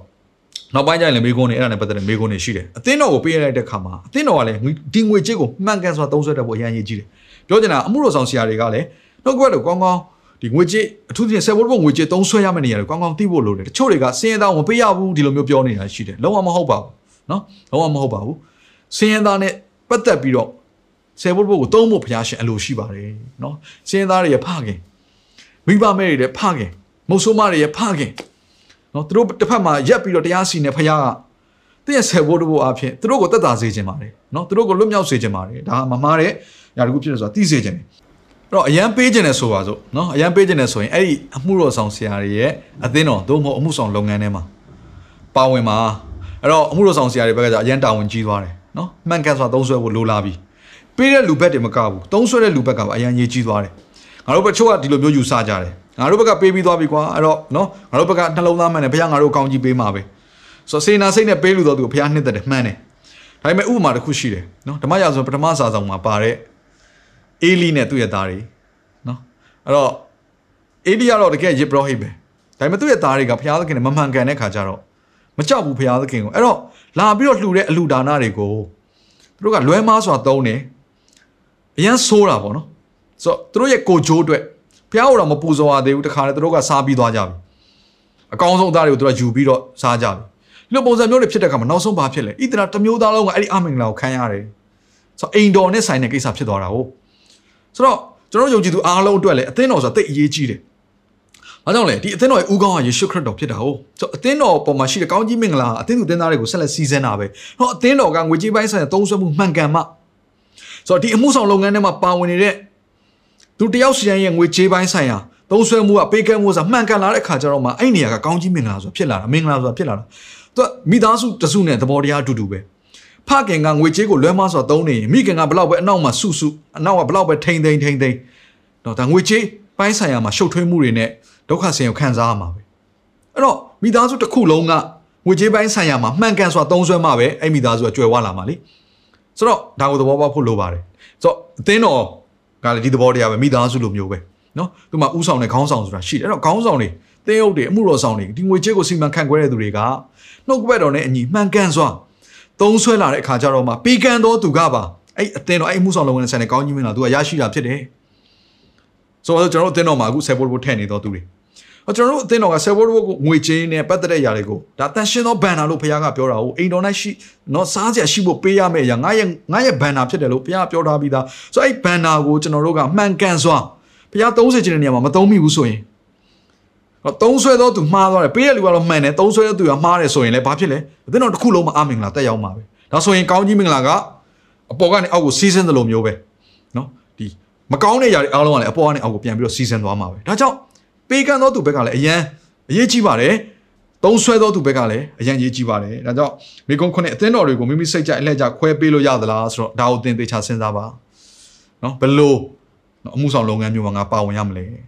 ဆိုတော့ချို့ကလည်းကိုယ်တက်နေတဲ့အသင်းတော်ကနော်ကိုယ်အသင်းတော်မို့လို့ဆိုပြီးတော့ဆက်ပြီးပေးနေတာရှိတယ်တိုးတော်လည်းပဲငွေကြေးပိုင်းဆိုင်မှားယွင်းမှုတွေလုပ်နေတယ်ဝิญဉ်ပိုင်းဆိုင်မှာဖျားသခင်ကိုမကြောက်ရွံ့တော့အသင်းတော်မကြောက်ရွံ့တော့အမှုတော်ဆောင်တွေဒူးဆဲကိုလုပ်နေအမှုတော်ဆောင်တွေဖြစ်တယ်ဆိုရင်တင်းရဲ့ပေးကမ်းခြင်းအလကားသက်သက်ပဲလေနော်တင်းရဲ့ပေးကမ်းခြင်းကသူတို့မကောင်းသောຢာတွေလုပ်ဖို့အတွက်ထောက်ပံ့နေသူတို့တော့ဖြစ်သွားတယ်ဒါကြောင့်အမှုတော်ဆောင်ဆရာတွေဘက်ကလည်းတန်ရှင်းဖြောက်မှတ်ခြင်းဖျားကိုကြောက်ရွံ့ခြင်းဆိုတာတိတ်အရေးကြီးတဲ့ຢာတစ်ခုဖြစ်လာတယ်โอเคကဲဒါဆိုရင်မိကုန်းခုနှစ်ကို ရှင်းမယ်လို့ထင်တယ်เนาะအရန်ပေးချင်ပါတယ်ဆိုရင်တော့ဒီဆရာကိုလည်းစိတ်ချပါတယ်ဆိုရင်တော့မှသူ့ကိုဓာတ်ရိုက်ပေးတာမျိုးမဟုတ်ဘဲနဲ့သူနဲ့ဆိုင်တဲ့အမှုဆောင်လုပ်ငန်းအသင်းတော်ကိုခွဲဝေပြီးသုံးနိုင်ဖို့ရန်ကောင်းကြီးပေးလိုက်ပါเนาะနောက်မေကွန်းရှစ်မြေနဲ့အဆောက်ဦးဆောက်လို့ရတဲ့ပေးလို့ရသလားဆယ်ဖို့တဖို့ကိုအဲ့တော့အဲ့ရကလည်းဆော့ဆော့ပြောသလိုပေးလို့ရပါတယ်เนาะဒါပေမဲ့လည်းဆယ်ဖို့တဖို့ဆိုတဲ့အရာကကန္နတစ်ခုထဲမှာသုံးဖို့ဘုရားရှင်အလိုရှိတာမဟုတ်ဘူးလေဆယ်ဖို့တဖို့ဆိုတာက ကဏ္ဍအသီးသီးမှာနော်စည်ရင်သားတွေအပါဝင်လေဝိအပါဝင်အမှုတော်ဆောင်အပါဝင်အမှုဆောင်လုပ်ငန်းအပါဝင်ပေးတော်သူရဲ့အကျိုးအတွက်ပါအပါဝင်အကုန်လုံးသုံးစေချင်တာဖြစ်တဲ့ကြောင့်မလို့အသင်းတော်ကိုအပ်လိုက်ခြင်းအပြင်အသင်းတော်ကပြန်လဲပြီးတော့နေရာအနှံ့မှာစီမံခန့်ခွဲမယ်ဆိုရင်ပိုသင့်လျော်ပါတယ်နံပါတ်6မေကွန်9ကလည်းဒီသဘောပါပဲ support ဘို့တဲ့ကစင်ရသားကိုကူညီလို့ရသလားကူညီလို့ရတာဆိုရပါတယ်ဒါပေမဲ့နော်မရဘူးတော့မဟုတ်ဘူးဒါပေမဲ့လည်းစောစောကပြောသလိုပဲတနေရာထဲမှာသုံးဖို့မဟုတ်ဘဲနဲ့နေရာအစုံမှာခွဲဝေပြီးသုံးတဲ့အခါမှာ ဒါမှန်ကန်တဲ့နီလန်ဖြစ်တဲ့ကြောင့်မလို့အသင်းတော်ကိုအပ်လိုက်တဲ့အခါမှာအသင်းတော်ကစည်ရင်သားတွေအတွက်ပေးဖို့ဖြစ်လာလိမ့်မယ်အကယ်၍အသင်းအရန်ပေးခြင်းနဲ့ဆိုရင်စောစောပြောအစာအုပ်အတွက်အရန်ပေးခြင်းလာတယ်ကိုကြည်ညိုတဲ့ဆရာကိုအရန်ကောင်းကြီးပေးခြင်းတယ်ဒါကစည်ရင်သားကိုကပေးခြင်းတယ်တခါဘုရားเจ้าမှာလိုအပ်တဲ့ပစ္စည်းကိုတတ်တတ်လှူခြင်းနဲ့ဆိုရင်ဆယ်ဖို့တဖို့တွေကမဟုတ်ဖ ೇನೆ တီးချကိုဖို့တွေကနေဝယ်ပြီးတော့လှူလိုက်ပါနော်ငွေကိုထုတ်ပြီးတော့တခါလဲကောင်းကြီးပေးလိုက်ပါအဲ့ဆရာပဲဝယ်ဖြစ်ဖြစ်နော်ဒါဒါဆိုသူ့ရဲ့သူ့စီကိုတန်းရောက်သွားမယ်တေးကြတယ်အဲ့ဒါကတော့ left gate လို့လည်းခေါ်တာပေါ့ကျွန်တော်တို့เนาะနောက်တစ်ခုကအင်္ဂလိပ်ဆို honorarium လို့လည်းခေါ်တယ်ဂုံပြုတ်သောလက်ဆောင်ပေါ့ဂုံပြုတ်သောငွေကြေးပမာဏဒီဆရာဂုံပြုတ်ခံထိုက်တယ်ဒီဆရာဟာကြည်စမ်း အားထုတ်တော်သူဖြစ်တယ်ဒီဆရာတကယ်ကိုဘုရားကိုချစ်တော်သူဖြစ်တယ်ဒီဆရာနော်ဝိညာဉ်ရေးမှာဥဆောင်တဲ့သူတယောက်ဖြစ်တယ်ငါရဲ့တက်တော်လည်းပြုစုတော်သူဖြစ်တယ်ငါဂုံပြုမယ်ဆိုရင်ကိုဘိုးတွေကဂုံပြုပေါ့နော်ကျမ်းပိုက်တစ်ပိုက်မှာလည်းရှိတာပဲနော်ကောင်းမွန်စွာအုပ်တော်တင်းအုပ်တို့ကအလှကိုနှစ်ဆခံထိုက်တယ်အဲ့ဒါဆယ်ဘိုးတို့ပြောတာမဟုတ်ဘူးနော်အလှကိုနှစ်ဆခံထိုက်တယ်ဆိုတာအသင်းတော်ကလာကပေးရင်ဒါနှစ်ဆပေးဖို့သူကသူစီစဉ်စီစဉ်လိမ့်မယ်သူကိစ္စဖြစ်တယ် ကိုဘက်ကအရန်ကောင်းကြီးပေးခြင်းဆယ်ဘိုးတို့နဲ့မပေးပါနဲ့နော်ကိုဘိုးတွေကနေထုတ်ပြီးတော့သူဂုံပြုလိုက်ပါသူအသင်းတော်ကပေးတဲ့လာခလည်းရမယ်ကောင်းကြီးမင်္ဂလာလည်းရမယ်သင်ပေးတဲ့ဂုံပြုခြင်းလည်းသူရမယ်ဒါဆိုရင်ဒါဒီဆရာဟာဂုံပြုခံထိုက်တော်သူဖြစ်တယ်ဆိုတာကိုပေါ်လွင်ပါတယ်ကဲမိကုန်း30ဆယ်ဝတ်ဘိုတွေကပစ္စည်းဝယ်ပြီးလှူဒန်းလို့ရသလားကျွန်တော်ဖြည့်ပြီးသွားပြီလို့ယုံကြည်ပါတယ်။အသင်းတော်ကိုအလိုက်ခြင်းဟာပို့ပြီးတော့ကောင်းပါတယ်။မိကုန်း7ဆယ်ဝတ်ဘိုနဲ့ချေငါပေးခြင်းအကျွေးဆက်ပေးခြင်းလုပ်လို့ရသလား။ ဆယ်ဝတ်ဘိုကဖခင်ခင်ရဲ့တန်ရှင်းသောဘန္နာဖြစ်ပါတယ်။အဲ့ဒါတွေလုပ်ဖို့ဖယ်ခိုင်းတာမဟုတ်ပါဘူး။ဒါကြောင့်နော်အကျွေးဆက်ပေးတဲ့ကိစ္စတွေနော်နောက်တစ်ခုကချေငါပြီးတော့လုပ်တဲ့ကိစ္စတွေချို့ဆိုအတိုးတော်မှတင်လိုက်သေးတယ်မရပါဘူး။မိကုန်း7နှစ်အကျွေးတင်နေလင်ဆယ်ဝတ်ဘိုပေးဖို့လိုပါသလား။အဲ့တော့ဖခင်ဆယ်ဝတ်ဘိုဆိုတာကကိုယ့်ရဲ့အခြေအနေနဲ့မှမဆိုင်တာ။တင်းရဲ့တက်တာထဲမှာတစုံတစ်ခုကိုအားထုတ်စ조사လို့အမျက်ရလာပြီဆိုရင်နော်မြေအသီးနှံတွေကထွက်လာသမျှရဲ့ဆယ်ပုံဝန်တပုံဟာဘုရားရဲ့ဘန်နာလို့ပြောတာဟုတ်ဒါကြောင့် တင်းမှာအကျွေးတင်တာကတင်ဆက်မဲ့ကိစ္စကိစ္စပဲအဲ့ဒါတက်တင်းမှာရလာတဲ့ငွေကြေးတွေကဘလောက်ပဲရလာရလာအဲ့ထဲကဆယ်ပုံဝန်တပုံဟာဘုရားသခင်နဲ့ဆိုင်နေဒါကြောင့်အဲ့လိုမျိုးနော်ဘုရားသခင်အတွက်ဖယ်လိုက်ခြင်းကနော်ဘုရားသခင်ရဲ့ဘန်နာလို့တင်တက်တက်ဖယ်လိုက်ခြင်းကတင်းရဲ့ကြံတဲ့ကိုးဖို့မှာမင်္ဂလာဖြစ်သွားတယ်ထူးခြားတဲ့ဘုရားရဲ့မျက်နှာနော်မျက်နှာသာပေးခြင်းတွေလမ်းဖွင့်ခြင်းတွေဒါတွေအားလုံးကတင့်တရာမှာခံစားလာရလိမ့်မယ်ဆယ်ဘိုးတို့နဲ့ဆိုင်တဲ့ကောင်းကြီးမင်္ဂလာခံစားလာရလိမ့်မယ်ဆယ်ဘိုးတို့ကနေတဆင့်နော် အသုံးပြုတဲ့အခါမှာဆင်းရဲသားတွေစီရောက်သွားမှာဖြစ်တဲ့ကြောင့်မလို့ဘုရားကဘလို့ခတိပေးထားလဲပြုတ်လေရာရာ၌ပြုတ်လေရာရာ၌ငါကောင်းကြီးပေးမယ်ဆိုတော့တင်အဲ့ဒီမှာတင်အလုတ်လောက်တာပဲဖြစ်ဖြစ်အကျွေးဆက်တဲ့ကိစ္စမှာပဲဖြစ်ဘုရားမျက်နှာသာရလာလိမ့်မယ်နော်ဆိုတော့မိကုန်း73ချင်းငါထားတဲ့ငွေပြန်ရရင်ဆယ်ဘိုးတဘို့ပေးဖို့လိုလားကျွန်တော်စောစောပြောပြီးပါပြီအမျက်ထဲကနေပေးရတာဖြစ်ပါတယ်ဒါကြောင့်မလို့နော်တင်ချင်းငါထားတဲ့ငွေပြန်ရရင်ဒီငွေကြေးဟာဒါတင်းရဲ့အရင်ပဲဖြစ်တယ်ဒါကြောင့်မလို့ဆယ်ဘိုးတို့ဖယ်ကြမလို့တိုးတော်လည်းပဲ တင်ကဖះကိုကျေးဇူးတင်လုံးအားကြီးလို့နော်မရတော့မဲ့အကျွေးအခုတော့ပြန်ရပြီဆုံးရှုံးတော့မဲ့ငွေကြေးပြန်ရပြီကျေးဇူးတော်ချီးမွမ်းနေဆိုရင်တော့ကြိုက်တဲ့လောက်ကျေးဇူးတော်ချီးမွမ်းလို့ရတယ်အကုန်လုံးလှူပလိုက်လဲရတယ်နော်ဆုံးရှုံးမဲ့အတူတူတော့အခုပြန်ရတာဖះငါ့ကိုလှူစေခြင်းလို့ဆိုပြီးလှူလိုက်တယ်ဒါရတာပဲမိကွန်းဆက်လေးမတရားစီးပွားမရတော့အမျက်ကိုဆယ်ဘိုးတဘို့ပေးလို့ရပါသလားမတရားစီးပွားလုပ်ပြီးဆိုကြတဲ့ကယုံကြည်သူမဟုတ်သေးဘူးယုံကြည်သူလို့နော်တင်သိကုန်တင်ထင်းနေတော့မှတင်မလွတ်မြောက်သေးဘူးအဲ့တော့တင်းရတက်တာအရင်လုံးမြောက်ဖို့လုပ်ပါဆယ်ဘိုးဘိုးထဲဖို့အရင်မလုံးနဲ့ ဒါလေးသတိသတိပေးပြီးမှားခြင်းပါတယ်ကျွန်တော်တို့တက်တာမှာဆယ်ဘိုးဘိုးအရင်ပေးခြင်းကအရေးမကြီးဘူးအသက်တာပြောင်းလဲခြင်းအရေးကြီးတယ်ဖခင်ကိုချစ်ခြင်းကအရေးကြီးတယ်နော်အထဲမှာစေနာမပါဘဲနဲ့နှမျောတဲ့စိတ်နဲ့လှူတယ်ဆိုရင်အဲ့ဥစ္စာကောင်းကြီးမင်္ဂလာမဖြစ်ဘူးသင်ဆုံးရှုံးသွားတယ်အတူတူပဲအဲ့တော့ဆယ်ဘိုးဘိုးပေးဖို့အရင်မစူးစမ်းနဲ့အသက်တာမှာဖခင်ကိုအရင်ရှာတွဲဖို့စူးစမ်းပါဖခင်ကိုကြောက်ရွံ့ခြင်းနဲ့ဖခင်စီကိုပြန်လှည့်ဖို့စူးစမ်းပါလို့ပြောခြင်းတယ်အဲ့တော့မတရားစီးပွားမရတော့အမြတ်ဆယ်ဘိုးဘိုးပေးလို့ရပါသလားမပေးပါနဲ့မေကွန်ဆန်ကဆယ်ဘိုးဘိုးမပေးရင်ဘာဖြစ်မလဲအဲ့တော့ တင်းရဲ့ဆယ်ပုံပုံဆယ်ပုံဟာနော်ဘုရားသခင်နဲ့ပြင်ရင်ပြုတဲ့ငွေကြေးမဟုတ်တော့ဘူးပေါ့ဒါပါပဲနော်ဘုရားသခင်နဲ့ဆက်ကပ်ထားတဲ့ငွေကြေးမဟုတ်တော့ဘူးပေါ့တင်းအားထုတ်ကြိုးစားမှုကြောင့်ရတယ်ဒါပေမဲ့တင်းဒီငွေကြေးအပြင်ဘုရားကိုကျေးဇူးချီးမွမ်းခြင်းဘုရားရှင်ကိုဆက်ကပ်ခြင်းဘုရားနဲ့ပြင်ရင်ပြုခြင်းဆိုတဲ့အရာကိုမလုပ်တော့ဘူးပေါ့အဲ့တော့ဘာဖြစ်လဲဆိုဆယ်ဘိုးတို့နဲ့ဆိုင်တဲ့ကောင်းကြီးကိုတင်မရဘူးဒါပဲနော်တင်းဟာအဲ့ဆယ်ပုံမို့ဆယ်ပုံကိုအပြည့်သုံးခွင့်ရလိမ့်မယ်ဒါပေမဲ့အဲ့ဒီမှာဆယ်ဘိုးတဘိုးနဲ့ဆိုင်သောဘုရားပေးထားတဲ့ဂတိတော်ကောင်းကြီးမင်္ဂလာဟာ အဲ့တဲ့ငွေကြေးအားလုံးမှာပါမလာတော့ဆိုတော့ကျွန်တော်ကတော့ဘုရားရှင်ကောင်းကြီးကိုဝယ်ယူတယ်ဟာလေလုယာတပုံလောက်နဲ့ရတော့နော်အဲ့တော့ပြောချင်တာကအထဲမှာဘုရားကိုကျေးဇူးချီးမွမ်းတဲ့နှလုံးသားရှင်တော့ဆယ်ဘိုးတဘိုးဆိုတာကတော့သူ့တဲ့အနည်းဆုံးပမာဏပဲနော်ယုံကြည်သူတွေရဲ့အသက်တာမှာကျွန်တော်ဒီပြီးခဲ့တဲ့တစ်ပတ်ကသင်တဲ့သင်ခန်းစာပြန်နားထောင်ကြပါနော်အဲ့မှာလည်းပြောခဲ့တယ်ဘုရားဒါပေမဲ့သက်ခရစ်ယာန်တွေဆိုတာကရှိသမျှအကုန်လုံးအနှံထားတာကို့အပိုင်တစ်ခုမှမရှိတော့ဘူးနော်ကိုကိုရွေးနှုတ်ထားတာလေယေရှုခရစ်တော်ကသူ့အသွေးနဲ့ရွေးဝယ်ထားတာလေကို့အပိုင်မှမရှိတော့လားနော် ဒါဘုရားသခင်ပိုင်တယ်ကိုယ့်ရဲ့ထက်မှာကိန်းဝတ်နေရတဲ့တန်ရှင်သောဝိညာဉ်တော်ဒါကြောင့်ကိုယ့်ကိုမပိုင်ဘူးဆိုတာမင်းတို့သိပါလို့ပေါလုကမှားတယ်အဲ့တော့ကျွန်တော်တို့ကဘာမှမပိုင်ဘူးဆိုတော့အားလုံးကကိုတော့ကိုတော့ဥစ္စာကြီးပဲအဲ့တော့ကိုကကောင်းကြီးမင်္ဂလာရလာပြီဆိုရင်အော်ဒါဆယ်ဘုတ်တဘုတ်ဆိုတာကအင်ပဒန်နဲတဲ့ပမာဏအနည်းဆုံးပမာဏဖြစ်တယ်မုတ်ဆိုးမတော်မှာသူကဒင်းငါးနှစ်ပြားဆိုတာအကုန်လှူလိုက်တာ哦ယေရှုခရစ်တော်ကပြောတယ်နော်သူ့ရဲ့အလှူကဒါဒါအကုန်လုံးကိုလှူတယ်ကျန်တဲ့လူတွေကတော့ရှိရထဲကလှူတယ်ဒီတယောက်ကတော့အကုန်လုံးကိုပေးတယ်ဆိုတော့တပရားသခင်နှစ်သက်တဲ့အရာ ဘာလို့လဲအသက်တာစက္ကန့်အနံပူဇော်ခြင်းဟာလေလုယာနော်ကဲမေကွန်16ဆယ်ဘုတ်တဘုတ်မတုံးရမယ့်အရာများကဘယ်ရလဲနော်တုံးရမယ့်နေရာတွေကိုတည်သွားပြီဆိုရင်မတုံးရဘူးဆိုတာလည်းအဲ့လိုလိုတည်သွားပါပြီအဲ့တော့ဆယ်ဘိုးတဘိုးကစောစောကျွန်တော်ကြကြဝန်းပြောခဲ့ပြီးသွားပါပြီတုံးရမယ့် area တွေရှိတယ်နေရာခန်းခန်းတွေရှိအဲ့နေရာတွေမှာတုံးကျွန်တဲ့နေရာတွေမှာတုံးစရာမလိုဘူးဟုတ်ပြီနော်က ကဲမိကုန်းဆက်ခွန်ယေရှုခရစ်တော်ကဆယ်ဖို့တဖို့လက်ခံခဲ့သလားโอเคယေရှုခရစ်တော်ကနော် သူတို့အချိန်ကာလတုန်းကယေရှုခရစ်တော်ဒီနော်သူက rabbi ဆိုတဲ့ဆရာတယောက်နဲ့သူကနော်အမှုဆောင်သွားတာဆိုတော့သူတို့ရဲ့ဂျူးလူမျိုးထုံးစံအရ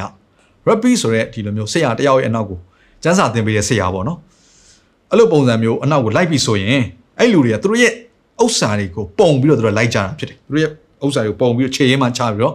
ဒါဟာနော်ဆရာအနောက်ကိုကျွန်တော်လိုက်မယ်ဆရာရဲ့ နော်သင်ခန်းစာတွေကိုကျွန်တော်အရန်သဘောကျတယ်ဆရာရဲ့တပည့်ဖြစ်လက်ခံမှာတော့ဒါကျွန်တော်တို့ရဲ့အလှဆိုပြီးတော့ပေးလို့ရှိတယ်အဲ့ဒါဒီ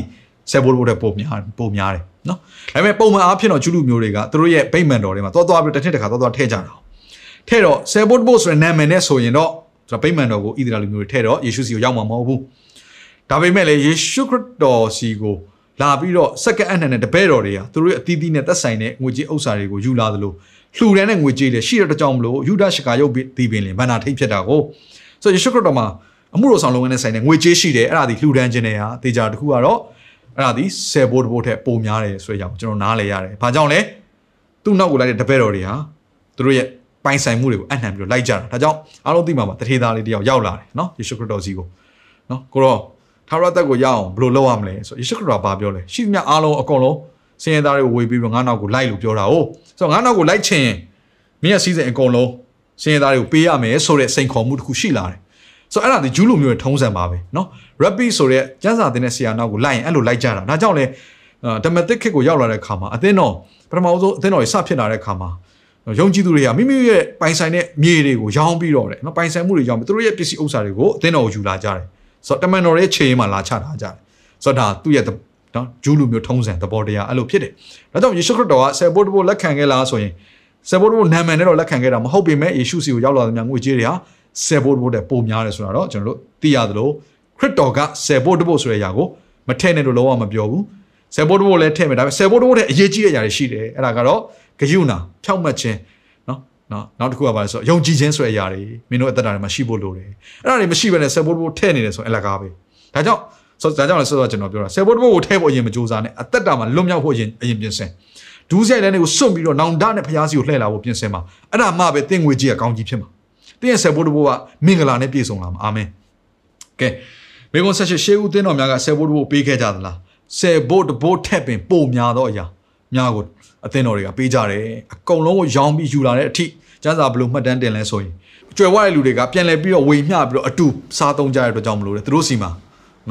လိုတဲ့လူတယောက်မှမရှိဘူးတဲ့ပြောမှဆိုစင်ရသားတွေမရှိတော့နော်အားလုံးကညီတူမျှတူအကုန်လုံးဖြစ်သွားတယ်ဆိုတော့ဘုရားသခင်ကြွယ်ဝခြင်းပေးပြီဆိုဘာလုပ်ခိုင်းဘာလုပ်ခိုင်းတာလဲပြန်လဲပြီးတော့ဝေမျှခိုင်းတာကိုယ့်ထက်အားနေတော်သူတွေနော်ဒါဘုရားရှင်သဘောတရားဖြစ်တယ်ကဲဟုတ်ပြီဒါကပြီးခဲ့တဲ့ဘက်ကမေးတဲ့မေးခွန်းတွေကိုကျွန်တော်အချင်းချုပ်ဖြေတာကဲဒီနေ့မှလည်း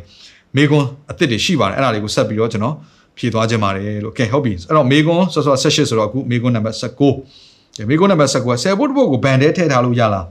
စုထားပြီးနောက်မှပေးလို့ရသလားဆယ်ဘုတ်ဘုတ်ဆိုတာကိုမသုံးဘူးဆိုရင်နော်ကိုမသုံးဘူးဆိုရင်မသုံးဘူးဆိုတာသုံးလို့မရဘူးလေဘုရားရဲ့ဘန်တာတက်တက်ဖယ်ပြီးတော့တနေရာမှာတင်ထားလို့ရပါတယ်နော်ဘုရားကြောင့်မသွားနိုင်တာလည်းဖြစ်နိုင်တယ်နော်လွှဲဖို့မအားသေးတာလည်းဖြစ်နိုင်တယ်ဒီလိုပုံစံမျိုးနောက်မှပေးလဲရပါတယ်ချက်ချင်းရချက်ချင်းဖယ်ဒီတစ်ပတ်မှပေးဆိုတာတော့အဲ့လိုမျိုးတတ်မှတ်ထားတာမရှိပါဘူးနော်အရင်ဆုံးနှလုံးသားဖြစ်တယ်ဒုတိယဒုတိယကတော့ကိုကိုအတွက်မသုံးမဲနဲ့ ဘုရားသခင်အတွက်ဆိုရရတိကျဖယ်ထားခြင်းဆိုတာရှိရမယ်အဲ့တော့နောက်မှပေးလဲရပါတယ်ကဲ20မိကွန်း20ကိုနှစ်ချင်းခံထားတဲ့ကိုအသင်းတော်မိခင်အသင်းတော်နော်နှစ်ချင်းခံထားတဲ့အသင်းတော်ဆိုမိခင်အသင်းတော်လို့ဒီမှာမြန်မာပြည်မှာဆိုကြတာပေါ့လေမိခင်အသင်းတော်ကိုပဲပေးရမလားအခြားအသင်းတော်ကိုပေးရင်ကောရပါသလားဆိုတော့လူတွေရဲ့ဆွဲလန်းမှုတစ်ခုရှိတယ်နော်ကိုနှစ်ချင်းခံတဲ့အသင်းတော်မှာဒါမိခင်အသင်းတော်ကိုက membership ဝင်ထားတဲ့အသင်းတော်မှာကိုရမိခင်အသင်းတော်ဆိုရဲအတုံးလုံးမြန်မာပြည်မှာရှိကြပါတယ်ကျန်းစာတွေမှာတော့အဲ့လိုမရှိဘူး ဒါပထမတစ်ချက်အဲ့လိုပြောလို့ကျွန်တော်မိခင်အသင်းတော်မထည့်နဲ့လို့ကျွန်တော်ပြောတာမဟုတ်ဘူးနော်အရေးကြီးဆုံးကဘာလဲသိလားသင်ရဲ့အသက်တာလန်းဆန်းပြီးတော့သင်ရဲ့အသက်တာမှာခွန်အားတွေနဲ့ပြည့်ဝပြီးတော့ရင်းကြီးထွားရင့်ကျက်ခြင်းစီကိုရောက်လာဖို့ရန်ပြုစုနေတော့အသင်းတော်ကဘယ်အသင်းတော်လဲနှုတ်ကပတ်တော်ကျွေးမွေးပြီးတော့သင်ကိုဆွဲခေါ်နေတဲ့အမှုတော်ဆောင်စရာတွေကဘယ်သူတွေလဲအဲ့ဒါသိဖို့လိုတယ်ပြီးတော့သင်ကိုယ်တိုင်ကဒါဟာငါရဲ့အိမ်ဘုရားရှင်ပြောတယ်မလားအိမ်တော်နော်အိမ်တော်မှာစားစရာရှိဖို့လို့ပြောတဲ့အခါမှာသင်ကဒါဆယ်ဝတ်လို့ထည့်ရတော့မယ် အဲ့တော့သင်အနေနဲ့ငါရဲ့အိမ်ဒါငါရဲ့မိသားစုလို့ခံစားရတဲ့အသင်းတော်ကပါလေအဲ့ဒါသိဖို့လိုပါတယ်အဲ့ဒါသိပြီးခင်သင်တော်လည်းဖြစ်နိုင်တယ်ဒါမှမဟုတ်ရင်လည်းကိုကတနေရာမှာပြောင်းရွှေ့ပြီးတော့ပြောင်းသွားတယ်ဒါမှမဟုတ်အလုတ်သွားလို့တဲ့နိုင်ငံခြားမှာအဲ့ဒီမှာပါဝင်ကလည်းအဲ့တင်းတော်ရောက်မှတခါအသက်တာမှာလန်ဆန်းလာတယ်တက်ကြွလာတယ်ဝိညာဉ်နဲ့ပတ်သက်တဲ့ຢာတွေဖွင့်ပြမှုတွေရလာတယ်ဆိုရင်အဲ့တင်းတော်မှာပါဝင်လည်းရတာပဲနော်အဲ့တော့ကိုကဆိုပါဆိုဒီတင်းတော်မှာဝိညာဉ်ရောက်စားသုံးနေတယ်ဆယ်ဘိုးဘိုးလည်းရလဲရအောင် ကိုဝိညာဉ်ရောက်လုံးဝမပြုတ်စုတဲ့အတင်းတော်ကိုနော်ကိုကဟိုဥပဒေကြောင့်မို့လို့ပဲဖြစ်ဖြစ်ပေါ့နော်လူမှုရေးကြောင့်မို့ဖြစ်ဖြစ်သွားပြီးတော့လှူတယ်ဆိုရင်ဘာနဲ့သွားလှူလဲဆိုတော့ကျွန်တော်တို့ဒီဘက်မှာဒံပေါက်ဆိုင်ဆိုပါဆိုဒီဘက်မှာကဂျီအိုဆိုင်စားတာကဒံပေါက်ဆိုင်မှာအားရပါရအဝစားတယ်စားလို့လည်းရမ်းကျင်နေတယ်ပတ်စံလည်းရှင်းလည်းရှင်းအောင်ဂျီအိုဆိုင်မှာသွားရှင်းတာနဲ့တူတယ်နော်အဲ့တော့ကိုစားတာဘယ်မှာလဲပြောချင်တာကိုအသက်တာကြီးထွားရင့်ကျက်နေတာဘယ်နေရာလဲကိုရဲ့အသက်တာမှာတိဆောက်ပြုပြင်ခြင်းခံနေရပြီးတော့မိသားစုလို့အသင်းတော်လို့ကိုကလည်းစက္ကန့်အနံ့ဖို့ နော်အကောင်းဆုံးနေရာဘယ်နေရာလဲအဲ့နေရာတင့်ရဲ့အဲ့ဒါတင့်ရဲ့အသင်းတော်ပဲလေတင့်ကိုပြုစုနေတဲ့နေရာတင့်ရဲ့အသင်းတော်ပဲမဟုတ်ဘူးလား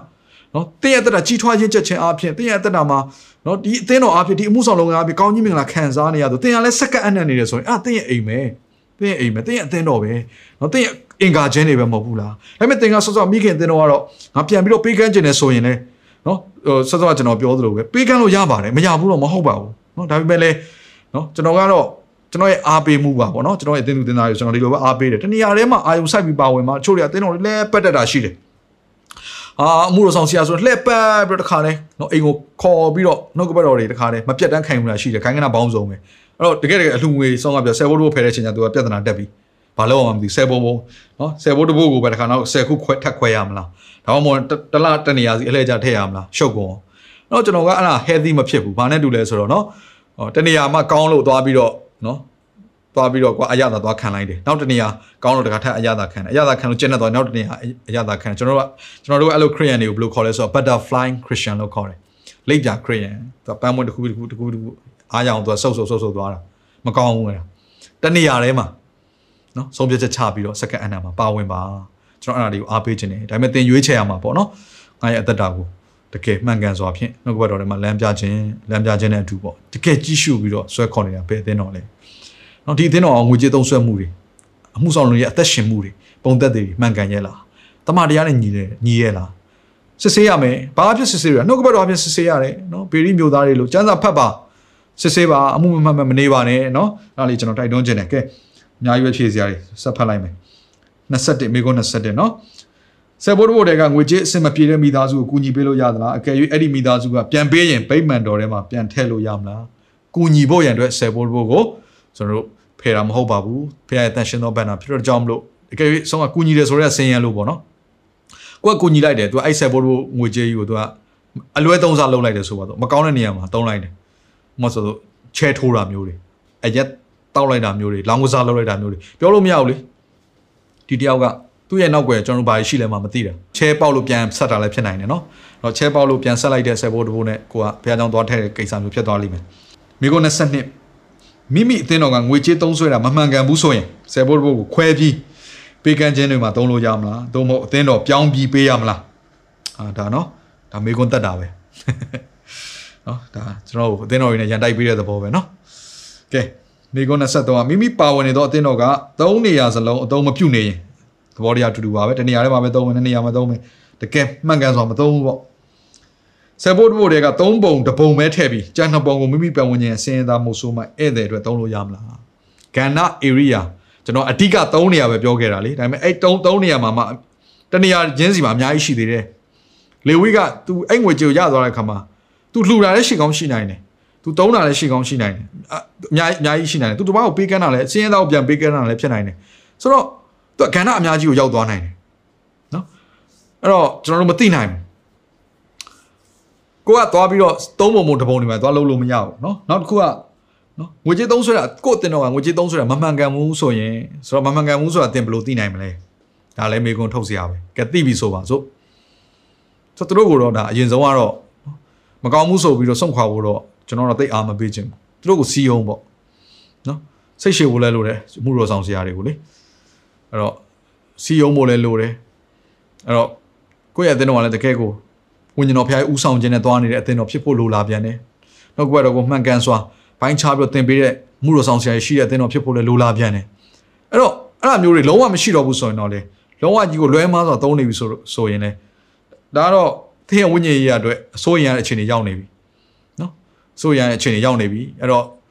တင်ဆုံးဖြတ်ချက်ချရမယ်အဲ့တော့ဆယ်ဘိုးဘိုးကို ရွှေ့ဖို့ဆိုတာကအကောင်းဆုံးကနော်ကိုရှိတဲ့နေရာမှာပဲကိုပန်ဝင်ရမယ်ဆိုတော့လူကိုယ်တိုင်ရွှေ့သွားတာတော့ပိုတော့ကောင်းသေးတယ်ပိုဆိုးသွားပြီနော်ဟိုကဆယ်ဘိုးဘိုးနော်တခြားနေရာကိုပြောင်းထည့်ရင်ကောင်းမလားလို့မေးတာနဲ့အခုအသင်းတော်မှာအသင်းတော်ကနေပါထွက်လို့ပြောတဲ့ပုံစံတော့ဖြစ်သွားပြီနော်ဆိုတော့ကိုရဝဉ္ဉေရအောင်လည်းမပြုစုဘူးဒီအသင်းတော်အသက်ရှင်တဲ့အသင်းတော်လည်းမဟုတ်ဘူးငွေကြေးတွေကိုမှားရင်းစွာသုံးဆွဲနေတဲ့ဆိုကြတဲ့ကဒူးစရိုက်ကိုပြုတ်နေတဲ့အသင်းတော်ဖြစ်နေပြီဘုရားရှင်ကဘလို့မှမျက်နှာမရနိုင်ဘူးအဲ့ဒီအသင်းတော်နဲ့ဆိုင်တဲ့အမင်္ဂလာအသင်းမိသားစုတွေပါရောက်လာမှာပဲရိုးရိုးလေးဝဉ္ဉေရမှာခန်းချောက်ခြင်းတွေဖြစ်လာမယ်တေဆုံးခြင်းတွေဖြစ်လာမယ် အသင်းမိသားစုမှာကဲတဲ့ခြင်းမရတဲ့လူတွေအများကြီးဖြစ်လာတော့မယ်တင်းရဲ့သားသမီးတွေဒူးစရိုက်လမ်းတွေကိုသွားတော့မယ်ဘာကြောင့်လဲကိုကဝဉ္ဉေတော်ဥဆောင်ပြီးတော့တော့တကယ်ကိုတမန်တရားနဲ့အညီတွန်းတဲ့အသင်းတော်မှာပါဝင်နေရတာမှမဟုတ်တာနော်မှားယွင်းနေတာဟုတ်အဲ့ထဲမှာသွားပြီးတော့ကိုယ့်ရဲ့အသက်တာကိုအခြေချတာဆိုသွားပြီပေါ့တော့ကျွန်တော်အသင်းကိုပျက်စီးခြင်းထဲမှာနေပါလို့ဘယ်လိုလုပ်ပြောနိုင်မလဲမှန်ကန်တဲ့တမန်တရားနဲ့ညီတဲ့လမ်းကိုအသင်ရွေးရမှာပေါ့အဲ့တော့ကျွန်တော်တို့အားပေးတယ်ကိုပါဝင်တဲ့အသင်းတော်မှာကိုဆယ်ဘိုးတို့ထဲပါအဲ့ တော့ဝิญဉ်ပိုင်းဆိုင်ရာကိုအရင်ဆုံးဦးစားပေးပါငွေကြေးကိုအရင်ဆုံးဦးစားမပေးနဲ့ဆယ်ဘိုးတို့ငါဘယ်ပြောင်းထည့်မယ်ဘယ်လိုထည့်မယ်အဲ့ဒါဦးစားအရင်ဆုံးမပေးနဲ့အရင်ဆုံးကိုယ့်ရဲ့အသက်တာလွတ်မြောက်ခြင်းဝิญဉ်ပိုင်းဆိုင်ရာကိုအရင်ဦးတည်ပါအာမင်ကဲနံပါတ်24စင်ရသားရှိတဲ့အရာမှာအသင်းတော်လည်းမရှိသေးတဲ့အချိန်မှာဆယ်ဘိုးတို့ကိုတာသနာနဲ့စင်ရသားတွေကိုတိုက်ရိုက်ကူညီလို့ရပါသလားအဲ့ဒီအဲ့ဒါဟာဒီအမှုတော်ဆောင်မိသားစုလည်းဖြစ်နိုင်တယ်အဲ့ဒီမှာအခုဒီဒီလိုမေးခွန်းမျိုးမေးတဲ့လူဟာဒါမှမဟုတ်ရင်လည်းအသင်းတော်မရှိတဲ့အရက်မှာရှိတဲ့ယုံကြည်သူတယောက်လည်းဖြစ်နိုင်တယ် အမှုတော်ဆောင်ဆရာဆိုရင်တော့ရှင်းပါတယ်အမှုဆောင်လုပ်ငန်းထဲမှာပြန်သုံးပေါ့နော်တင်ကအသင်းတော်တစ်ခုတည်ဆောက်နေတာပဲလေတင်အမှုဆောင်လုပ်ငန်းထဲမှာပြန်သုံးပေါ့တင်ရဲ့ဆယ်ဘိုးတစ်ဘိုးဒါအရန်ရှင်းတယ်အသင်းတော်တင်းသူတင်းသားဆိုရင်ရောတင်းသူတင်းသားဆိုရင်ကျွန်တော်ပြောပြမယ်တင်းနဲ့အနီးဆက်ဆုံးအသင်းတော်အမှုတော်ဆောင်ဆရာစီမှာပါဝင်တဲ့တယ်တင်းဘေးနားမှာရှိတဲ့စင်ရသားတွေကိုကူညီခြင်းကိုးဘိုးတွေကနေကူညီပါလို့ပဲကျွန်တော်အနေနဲ့ဒါအကြံပေးခြင်းတယ်ပေါ့နော်။ဘာဖြစ်အခုချိန်ကာလမှာတော့သင်းတော်တွေအရန်လှမ်းဝေးတယ်ဆိုတာ ဖြည်းဖြည်းနဲ့တော့နဲလာပါပြီ။နောက်တစ်ခုကအေဝံဂေလိကိုအမှုဆောင်ကိုရှိတဲ့နေရာကိုအေဝံဂေလိအေဝံဂေလိဟောကြားတဲ့အမှုတော်ဆောင်ဆရာတွေလာတယ်ဆိုရင်လည်းသူရဲ့အမှုဆောင်လုပ်ငန်းထဲမှာပါဝင်ပါဒါဟာလှုပ်ဆောင်တဲ့အရာတစ်ခုဖြစ်တယ်လို့ကျွန်တော်ပြောချင်ပါတယ်။ကဲနံပါတ်25အသင်းတော်ကနေအသင်းတော်ရဲ့ဆယ်ဘိုးတဘိုးကိုတနေရာမှာယင်းဒီမြုပ်နှံထားလို့ရသလား။အကယ်၍ရရင်မြက်ယင်းဒီမြုပ်နှံလို့ရလာတဲ့ငွေကိုဘယ်လိုပြန်လုပ်တင်တယ်လဲဆိုတော့ဆယ်ဘိုးတဘိုးကိုတော့ယင်းဒီမြုပ်နှံဖို့ကျွန်တော်တို့အာမပေးခြင်းတန်ရှင်သောဘုရားရဲ့ဘန်နာဖြစ်တယ် ယင်းဒီမြုပ်နှံခြင်းမပါဘူးသူကပေးကမ်းခြင်းတက်တက်ပါရှိတယ်သို့တော်လည်းပဲအဲ့ဒီဆယ်ဘိုးတဘိုးကိုပေးလိုက်တဲ့စင်ရသားเนาะလက်ခံရရှိတဲ့စင်ရသားအာဂန်ဒုเนาะသူတို့တွေအကူညီရမယ်တခုခုငွေကြေးပဲဖြစ်နိုင်တယ်အစားအသောက်လည်းဖြစ်နိုင်တယ်အဝတ်စားလည်းဖြစ်နိုင်တယ်အဲ့လူတွေကအဲ့ဒီအရာကိုပြန်ပြီးတော့သူတို့စိတ်ကြိုက်ပြန်သုံးဆွဲခွင့်ရှိတာဟုတ်ဥပမာဆိုရင်လေဝိဆိုရင်သူ့ကိုဆယ်ဖို့ဖို့ပေးရင်တဲ့အဲ့ဒါကိုဘယ်လိုမှတ်ယူရမလဲဆိုရင်တဲ့လေမှာစိုက်ပြီးရတဲ့သူကိုယ်တိုင်အားထုတ်စိုက်ပျိုးပြီးရတဲ့အသီးနှံကဲ့သို့ သူ့ရဲ့လှုပ်အားကဲ့သို့မှတ်ယူရမယ်တဲ့မညူဆူရဘူးလို့ဘုရားရှင်မှားထားတဲ့ကျမ်းစာထဲမှာဆိုတော့ချို့တွေကလည်းအမှုတော်ဆောင်ဆရာကိုဆယ်ဖို့ဖို့ပေးငါတို့ကြွေးမစားတာလို့ထင်တဲ့လူတချို့ရှိတယ်ဖះအဲ့လိုအဲ့လိုမပြောဘူးနော်ဖះကဘယ်လိုပြောလဲဆိုတော့သူတို့ကိုယ်တိုင်လဲမှာမင်းတို့လိုပဲထွန်ရက်စိုက်ပျိုးပြီးတော့အဖိုးခရတဲ့ရတယ်လို့ပဲမှတ်ယူရမယ်သူတို့ပင်ပန်းဆိုတာစိုက်ပျိုးပြီးတော့ရတဲ့သူတို့ရဲ့လုံအားခလို့ပဲမှတ်ယူရမယ်တဲ့ဆက်ဘိုးတဘိုးကိုလေဝိနဲ့ပတ်သက်အဲ့လေဝိကသူရလာပြီဆိုရင်ဒါသူ့ရဲ့ကိုယ်ပိုင်ငွေကြေးဖြစ်သွားပြီလေ သူမိသားစုနဲ့ဆိုင်တဲ့ကိစ္စတွေမှာသူတုံးလို့ရပြီလို့လည်းအဲ့ထဲမှာရင်းနှီးမြှုပ်နှံတာရှိလာနိုင်တယ်ဘာကြောင့်လဲဆိုနိုင်ငံခြားချားမှာဆိုရင်ဒါ stock တွေနော် stock share တွေဝယ်ပြီးတော့မြှုပ်နှံတဲ့အမှုတော်ဆောင်စရာတွေအများကြီးပဲဟုတ်နော်အဲ့တော့မြန်မာပြည်ဆိုရင်စီးပွားရေးလုပ်ငန်းတွေမှာယင်းနှမြုပ်နှံမဲ့ investment လုပ်မဲ့အမှုတော်ဆောင်စရာတွေရှိမှာပဲဆိုတော့ဒါသူတို့ရဲ့ support book ကနေပြီးတော့ရတဲ့ငွေကြေးတွေသူတို့ support book ဖယ်ပြီးသွားရင်ကျန်တဲ့ go book ကသူတို့ရဲ့နော်ကြိုက်တယ်လို့သုံးလို့ရတဲ့ငွေကြေးဖြစ်သွားပြီမှန်တယ်သူတို့ကမှန်ကန်စွာတော့သုံးရမှာပေါ့အဲ့တော့ ဓာတ်ရိုက်တော့အသင်းတော်နေကနေပြီးတော့ဓာတ်ရိုက်တော့အသင်းတော်ရဲ့ support book ဆိုတဲ့ဟာကြီးကိုစီးပွားရေးလုပ်ငန်းနဲ့ထည့်လို့မရဘူးမထည့်သင့်ဘူးဘာကြောင့်လဲပေးကမ်းခြင်းထဲမှာအဓိကသုံးရတာအဲ့လိုပေးကမ်းနိုင်မို့လဲအသင်းသူအသင်းသားတွေ support book ထည့်ကြတာပဲလေအဲ့တော့ Excel book ထဲအသင်းသူအသင်းသားတွေကိုဖះကောင်းကြီးပေးတဲ့အခါမှာသူတို့ကြွယ်ဝလေအသင်းတော်ကကြွယ်ဝလေပို့ပြီးပေးကမ်းနိုင်တယ်ဆိုတော့ဒါငွေကြေးကလုံးဝမပြတ်တော့အိမ်တော်မှာစားစရာအမြဲရှိနေတယ်ဆယ်ဘိုးဘိုးကြောင့်ဒါကြောင့်ဆယ်ဘိုးဘိုးကိုအရင်ကြီးလှုပ်ပြီးတော့အသင်းတော်ကစီပွားလေးလှုပ်ဖို့လုံးဝမလှုပ်တဲ့အရာတစ်ခုဖြစ်တယ်သို့တော်လည်းပဲ အမှုတော်ဆောင်တွေကသူတို့ရဲ့ကိုးဘိုးကနေပြန်ပြီးတော့လုပ်မယ်ဆိုရင်လုပ်လို့ရပါတယ်โอเคဒါတော့ဒါသူတို့ရဲ့เนาะအရာတစ်ခုဖြစ်တယ်ဇန်တာကူဒီခင်နဲ့ကိုက်ညီအောင်ပြောပြတာဒါပေမဲ့အမှုတော်ဆောင်ဆရာဆိုတာကသူ့ရဲ့အချိန်အားလုံးကိုသူကအမှုဆောင်လုပ်ငန်းထဲမှာနှစ်မြုပ်ထားရတယ်လေစီးပွားရေးလုပ်ချင်တယ်ဆိုရင်တော့မှကိုကရင်းနှီးမြုပ်နှံမှုအရန်လွယ်သွားပြီကိုငွေလေးထည့်ထားလိုက်ရုံပဲအချိန်တန်သူကသူကသူအမြက်ကတက်ကောင်းတက်မယ်ရှုံးလဲရှုံးမယ်ဒါသူကသူဖြစ်နေတဲ့ကိစ္စเนาะဆိုတော့အမှုတော်ဆောင်ဆရာကဘာမှအချိန်နေလဲကုန်စရာမလိုဘူး ညံဆွမ်းသက်တွေလည်းဘာမှကုန်စရာမလိုโอเคဆိုတော့အရန်လွယ်တဲ့ investment တွေအခုခေတ်မှာပေါ်လာလို့ကျွန်တော်ဒီဟာလေးကိုပြောတာဖြစ်ပါတယ်ဘာကြောင့်လဲဆိုတော့ तू ကိုယ်တိုင် လှုပ်ဆောင်ခြင်းအပြင်ရတဲ့အဖို့ခလောက်အားခလို့ဖခင်ကမှတ်ယူရမယ်မညွန်စုရဘူးဆိုပြီးတော့ပြောထားတဲ့အတွက်ကြောင့်မလို့ကျွန်တော်တို့ဓာတ်ရိုက်တော့ဆယ်ဘိုးဘိုးကိုမြုံနယ်လို့မရဘူးမှုလို့ဆောင်ဆရာတွေကပြန်ပြီးတော့တုံးဆွဲတဲ့ຢာတွေမြုံနယ်တဲ့ຢာတွေကိုတော့လုပ်လို့ရပါတယ်နံပါတ်26တိုးပွားခြင်းတွေကမဟုတ်ဖ ೇನೆ လက်ရှိရှိနေတဲ့အထက်ကဆယ်ဘိုးဘိုးပေးလို့ရပါသလား သိရတာပေါ့ဘုရားရှင်ကနော်ပေးကမ်းခြင်းမှာအကုန်လုံးပေးလဲအကောင်းဆုံးပဲလေနော်ဒါဘုရားသခင်ပြောရရနော်ကျွန်တော်ပြောတာမဟုတ်ဘူးမိုးဆိုးမတင်ကားနှစ်ပြားချမ်းသာလို့ပေးတာမဟုတ်ဘူးနော်အစင်အဆုံးအခြေအနေမှာပေးပလိုက်တော့ဘုရားသခင်အဲ့ဒါကိုယေရှုခရစ်တော်ကအားလုံးကိုဒီအဖြစ်ပြက်လေးအဖြစ်သင်ပေးတယ်ဆိုရည်ရွယ်ချက်ရှိတယ်ဘုရားသခင်ရည်ရွယ်ချက်အဲ့တော့ဆယ်ဘိုးတစ်ပုတ်နှစ်ပုတ်သုံးပုတ်ဆိုရထည့်လို့ရပါထည့်တဲ့လူတွေကျွန်တော်တွေ့တယ်အဲ့လူတွေရဲ့တက်တာမှာစင်ရချင်းဆိုတာကျွန်တော်မတွေ့ရဘူးโอเค ကျွန်တော်တွေ့ဘူးလေဆယ်ဘိုးလေးဘိုးထိထည့်တဲ့လူတယောက်ကိုကျွန်တော်တွေ့ဘူးတယ်ဆယ်ဘိုးလေးဘိုးသူ့စီမှာသူကပုံးနေနဲ့ခွဲထားတယ်ဒါဆယ်ဘိုးတစ်ပုတ်ဒါနောက်ထပ်တစ်ပုတ်ဒါနောက်ထပ်တစ်ပုတ်နောက်ထပ်တစ်ပုတ်အမေအဲ့လိုမျိုးခွဲထားတာလေးဘိုးတောင်ပါဗျာနော်သူကအဲ့လိုပုံစံမျိုးနဲ့ဒါပေမဲ့တစ်ခုတော့ကျွန်တော်သတိထားမိတာပေါ့သူကသူ့စိတ်ကြိုက်ဒီတဘိုးကတော့ဘယ်သူတွေအတွက်ဒီတဘိုးကတော့ဘာတော့သူကသူခွဲပြီးတော့တုံးနေတာနော်ခွဲပြီးတော့ပေးနေတာအဲ့လိုမျိုးတော့တွေ့တယ်နော်29ဗိမ္မာန်တော်ကိုမပေးဘဲမရှိစင်းရဲသားတွေကိုတိုက်ရိုက်ပေးလို့ကိုရသလား မရှိစင်းရဲသားတွေမုတ်ဆိုးမတွေကိုပေးကမ်းခြင်းငါ့ကိုချင်းငါခြင်းဖြစ်တယ်လို့လည်းပြောထားတော့အဲ့လိုတိုက်ရိုက်ပေးလို့ရပါသလားဒါမေကွန်းအစ်စ်ဖြစ်ပေမဲ့လည်းကျွန်တော်အဟောင်းမေကွန်းဟောင်းမှာဖြစ်ခဲ့ပြီးပါပြီတော့ပေးလို့မရဘူးလို့တော့မဟုတ်ပါဘူးတိုးတော်လည်းပဲဆယ်ဘိုးတဘိုးဆိုတာကဂန္ဓာအစုံမှာနော်သုံးဖို့ရန်ဘုရားသခင်ကပြင်ဆင်ထားတယ်အဲ့တော့အဲ့ဒါကိုရှင်းပြပြီးပါပြီအဲ့တော့ကိုယ့်ကိုစိတ်ကြိုက်ပေးနေခြင်းအန်တရယ်များတယ်လို့ပဲကျွန်တော်အသိပေးပြစေကဲ28ဆယ်ဘိုးတဘိုးကိုချေငါသုံးလို့ရပါသလားလုံးဝမရပါဘူးချေငွေဖြစ်ဘုရားရှင်ကဖယ်ထားပေးခိုင်းတာမဟုတ်ပါဘူး 29ဘုရားเจ้าမသွားဖြစ်တဲ့သူတယောက်ဟာသူ့ရဲ့ဆယ်ဘိုးတဘိုးကိုနေ့စဉ် online ကနေဝိညာဉ်အစာကျွေးနေတဲ့ဆရာတို့မို့အသင်းတော်ကိုပဲဆယ်ဘိုးတို့ထဲသင်ပါသလားအဝေးမှာရှိနေတဲ့မိခင်အသင်းတော်မှာပဲဆယ်ဘိုးတို့ပုံမှန်ပါဝင်နေခြင်းကရောနီးလန်းမှန်ပါသလားမိမိရဲ့အသက်တာကိုပြုစုနေသောမိမိရဲ့အသက်တာကိုကောင်းကြီးဖြစ်စေသောမိမိရဲ့အသက်တာကိုတိုးပွားစေသောရင့်ကျက်လာစေသော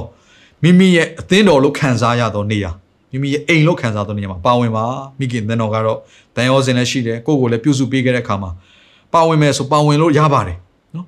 ဒါလည်းဥပမာပြောခဲ့ပြီးပါပြီတိုးတော်လည်းပဲကိုခုစားသုံးနေတဲ့နေရာပဲနေရာလေစားသုံးနေတဲ့နေရာဦးစားပေးပါလို့ကျွန်တော်ပြောချင်တယ်နော်အရန်လှူချင်တယ်ဆိုရင်လည်းကိုဘိုတွေကလှူပေါ့နော်မိခင်သင်းတော်ကိုဒါမှမဟုတ်ရင်လည်းတော့ဆယ်ဘိုးဘိုးတစ်ခါတည်းရံမှာပေးတာအာပေးတဲ့တယ်လို့မြင်ပါတယ်ဒါကတော့နော်ကျွန်တော်ဒါကျွန်တော်ရဲ့ personal ပြောတာပါအကျန်းစာထဲမှာတော့အတူရေးထားပါဘူးနော်ကဲ30အမေကွန်30ကတော့နောက်နောက်နောက်ထပ်နော်30 31ကတော့နောက်ဆုံးဖြစ်ပါတယ် first fruit ဦးသီးကကိုကြိုက်နေတဲ့ဆရာတွေပေးတာပုံမှန်လား အသင်းတော်တွေထဲ့တာကပုံမှန်လား31ကအဦးသီးအလူငွေကိုအမှုတော်ဆောင်များကိုခွဲပေးလို့ရပါသလားဒါမှမဟုတ်မခွဲပဲတယောက်တည်းကိုပေးလို့ရပါသလားပထမတစ်ချက် first fruit ဆိုတဲ့ဦးသီးကတော့အမှုတော်ဆောင်ဆရာတွေအတွက်အတိအကျဖြစ်ပါတယ်သူကတော့နော်ဟိုဆယ်ဘိုးတဘိုးလို့၃ခုခွဲပြီးတော့အဲ့လိုမျိုး၃နှစ်အမျိုးသားမတူအောင်ဖះသုံးခိုင်းတာတော့မဟုတ်ဘူးဦးသီးဆိုရင်သူကလေဝိပဲဒါဗိမာန်တော်မှာရှိတော့ အိမ်တော်မှာရှိတော့အမှုတော်ဆောင်တွေစားဖို့အတွက်ပဲတီးကြပဲတီးကြတယ်အဲ့တော့တယောက်တည်းကိုသွားပေးရဆိုရင်နော်ဦးသီးတွေပေးတယ်ဆိုရင်ပေးလို့ရလားဆိုရင်ကျန်းစာရပေးလို့ရတယ်ဒါပေမဲ့အဲ့တယောက်ပဲကောင်းကြီးမင်္ဂလာခံစားရမယ်အသင်းတော်ကိုဦးသီးလို့ပြောပြီးပေးလိုက်ခြင်းဟာအဲ့ဦးသီးကိုအသင်းတော်မှာရှိတဲ့အမှုတော်ဆောင်ဆရာအားလုံးကိုခွဲဝေပြီးတော့ကောင်းကြီးမင်္ဂလာဖြစ်စေမယ်ဒါတော့ကျွန်တော်အသင်းတော်မှာအသုံးပြုတဲ့ဤစနစ်ကိုပြောပြတာပါနော်ဒါကြောင့်ကျွန်တော်အသင်းတော်မှာဘယ်သူပဲဖြစ်ဖြစ်ဦးသီးလာပေးလာပေးနော် ဦးသီးဆိုတဲ့စကားလုံးပါလာပြီဆိုတော့ねဒါအမှုတော်ဆောင်တွေအတွက်ဆိုတဲ့အကြောင်းကျွန်တော်ဖယ်ထားလိုက်ပြီ fan ရှိသွားပြီဒါအချိန်ပြည့်မှုတော်ဆောင်အဲ့ဒါတွေအားလုံးကျွန်တော်ဆုထားလိုက်တယ်ပြီးတော့မှခွဲသိမ်းခွဲတဲ့အချိန်မှာခွဲပေးလိုက်တယ်ဟုတ်ပြီနော်အဲ့ဒါလာကားနဲ့မဆိုင်ဘူးဒါသည်ခြားခြားဘာနဲ့မှမဆိုင်ဦးသီးသီးချဖြစ်တယ်အဲ့တော့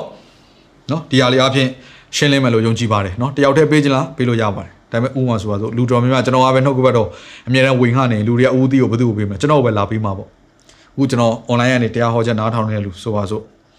ကဲလူတရားပဲရှိတယ်ဆိုပါဆိုတယောက်ကဦးသီးတစ်သိန်းကျွန်တော်ဘယ်လောက်ရမလဲသိန်းတရားကျွန်တော်မှန်ကန်စွာအဲ့သိန်းတရားကိုနော်သုံးနိုင်ပါမလားဆိုတဲ့အရာကနောက်ထပ်မေးခွန်းတစ်ခုဖြစ်သွားပြီပြီးတော့ကျွန်တော်နဲ့အခြားမှုဆောင်သောသူတွေကဒီတရားကိုကျွန်တော်ခွဲဝေပေးပါမလားဆိုတာကလည်းမေးခွန်းထုတ်စရာနောက်တစ်ခုဖြစ်သွားပြန်တယ်ကျွန်တော် personally မေးတယ်ဆိုရင်တော့ကျွန်တော်ကပြောပြမယ်အားလုံးကောင်းကြီးခံစားရဖို့အသင်းတော်ကိုပဲအပ်ပါဦးသီးနေနဲ့အသင်းတော်ကနေပြန်လဲစီမံလိုက်မယ် ဆိုတော့ဒါကျွန်တော်အဖြစ်ဖြစ်ပါတယ်ကဲဟုတ်ပြီဒါဆိုရင်မေကွန်အားလုံးဦးသီးဆယ်ဘိုးတဘိုးတွေပေကန်ချင်းတွေအကုန်လုံးငွေချင်းနဲ့ဖျားသခင်နဲ့ပတ်သက်တဲ့ငွေကြေးเนาะဒါကျွန်တော်ငွေကြေးစီမံခန့်ခွဲမှုမှာဘန်နာဆိုးကောင်းလို့ပြောတဲ့ကောင်ပထမဦးဆုံး ဖျားသခင်နဲ့ပတ်သက်တဲ့ငွေကြေးစီမံမှုမှာမှန်ကန်ဖို့အရန်ရေးကြည့်တယ်ဒါမှ तू ကဖျားနဲ့ brain ညင်ပြုတ်လိုက်တာမှန်သွားတဲ့ခါကြတော့မှကျန်တဲ့ကိုဘိုးကကောင်းကြီးဖြစ်လာပြီလေလာပြီအဲ့ကြရင်းနှီးမြုပ်နှံခြင်းတွေလာပြီသုံးဆွဲခြင်းတွေမှာဖျားမျက်နှာသာပေးလာပြီမလိုအပ်ဖက်နဲ့တပြားတစ်ချက်မှ နော်မကုံရတဲ့အခွင့်တခိုးခိုးမခိုးယူရတဲ့အရာပျောက်ဆုံးခြင်းဆုံးရှုံးခြင်းဆိုတဲ့အရာတွေမရှိတော့တဲ့ကောင်းကြီးမင်္ဂလာကိုရလာတော့မယ်ဟာလေလုယာဒါကြောင့် first thing first ပထမဦးဆုံးဒါဖျားသခင်နဲ့စက္ကပ်ခြင်းဆိုတဲ့အရာကိုအရေးကြီးတော့ကြောင့်လို့ဆယ်ဘိုးဘိုးဦးသီးတွေပေးကမ်းခြင်းတွေအားလုံးကိုကျွန်တော်ပြောသွားတာဖြစ်ပါတယ်ကဲဟုတ်ပြီနံပါတ်1ချက်ငွေကြေးစီမံခြင်းမှာအရေးကြီးဆုံးဒီကနံပါတ်2ချက်ကပါလဲဆိုတော့စ조사၍အားထုတ်အလုပ်လုပ်ခြင်းကိုဘုရားရှင်လုပ်စေခြင်းနဲ့ဘာနဲ့ပတ်သက်ရင်ငွေကြေးနဲ့ပတ်သက်ရင်ကျွန်တော်ပြောမယ်ငွေကြေးကို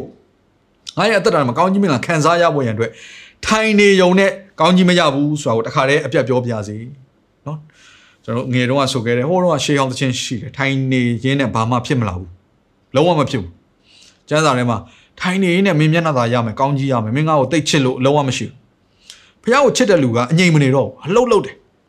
ရိတ်သိမ်းခြင်းအလုပ်ထဲမှာပါလာပြီနိုင်ငံတော်အလုပ်ထဲမှာပါလာပြီသူတို့ဘာကိုတိဆောက်ခြင်းအလုပ်ထဲမှာပါလာပြီဟာလေလုယာဖះကိုချီးမွမ်းခြင်းကိုးကွယ်ခြင်းစိတ်အားကြီးခြင်းထဲမှာပါလာပြီဘာကြောင့်လဲဖះကိုချစ်တာကိုမနေနိုင်တော့ဘူးလေ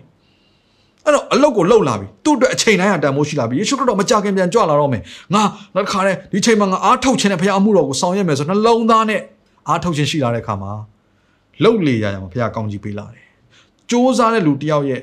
လူလူတယောက်ဟာပြန်လာပြီးရိတ်သိမ်းရတယ်ဆိုတဲ့စံစာလေးရှိတယ်ကျွန်တော်ဒီစံစာလေးဖတ်ချင်တယ်နော် ဒေသနာကျမ်းဒေသနာ7:6မှာနနဲ့အချိန်တိုင်းမျိုးစေ့ကိုကျဲလို့ညဦးချိန်တိုင်းလည်းမကျဲဘဲမနေနဲ့အကြောင်းမူကားဘဲအရာသည်အကျိုးရှိမည်ကို၎င်းနှစ်ပါးစလုံးတို့သည်အညီမျှအကျိုးရှိမည်ကို၎င်းမသိနိုင်ဆိုတော့ဒါကတော့ဘာသာအမျိုးမျိုးပြန်လို့ရတယ်ဒီကျမ်းပိုက်ကိုဒါပေမဲ့ဒီနေ့ငွေချင်းနဲ့ပတ်သက်ပြီးဘာသာပြန်ခြင်းတယ်အလုတ်လုတ်ခြင်းနဲ့ပတ်သက်ပြီးတော့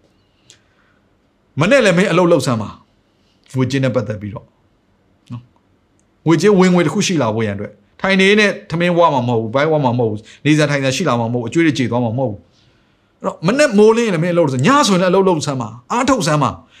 ညလှုပ်တဲ့အလုပ်ကကောင်းကြီးဖြစ်လာမလားမနဲ့လှုပ်တဲ့အလုပ်ကပြန်ရိတ်သိမ်းရမလားမသိနိုင်ဘူးနှစ်ခုလုံးကလည်းပြန်ရိတ်သိမ်းရနိုင်တယ်ဆိုလိုချင်တာပါလေအမြဲစူးစမ်းအားထုတ်ပါအလုပ်လုပ်ပါဒါကိုပြောနေတာဖြစ်တယ်ပေါ်လူကတဲရှင်ချုပ်တယ်ဘာကြောင့်လဲသူကမြို့တစ်မြို့ကိုအိမ်ဝင်လီတရားသွားဟောတော့သူ့ကိုသိရလို့မရှိသေးဘူး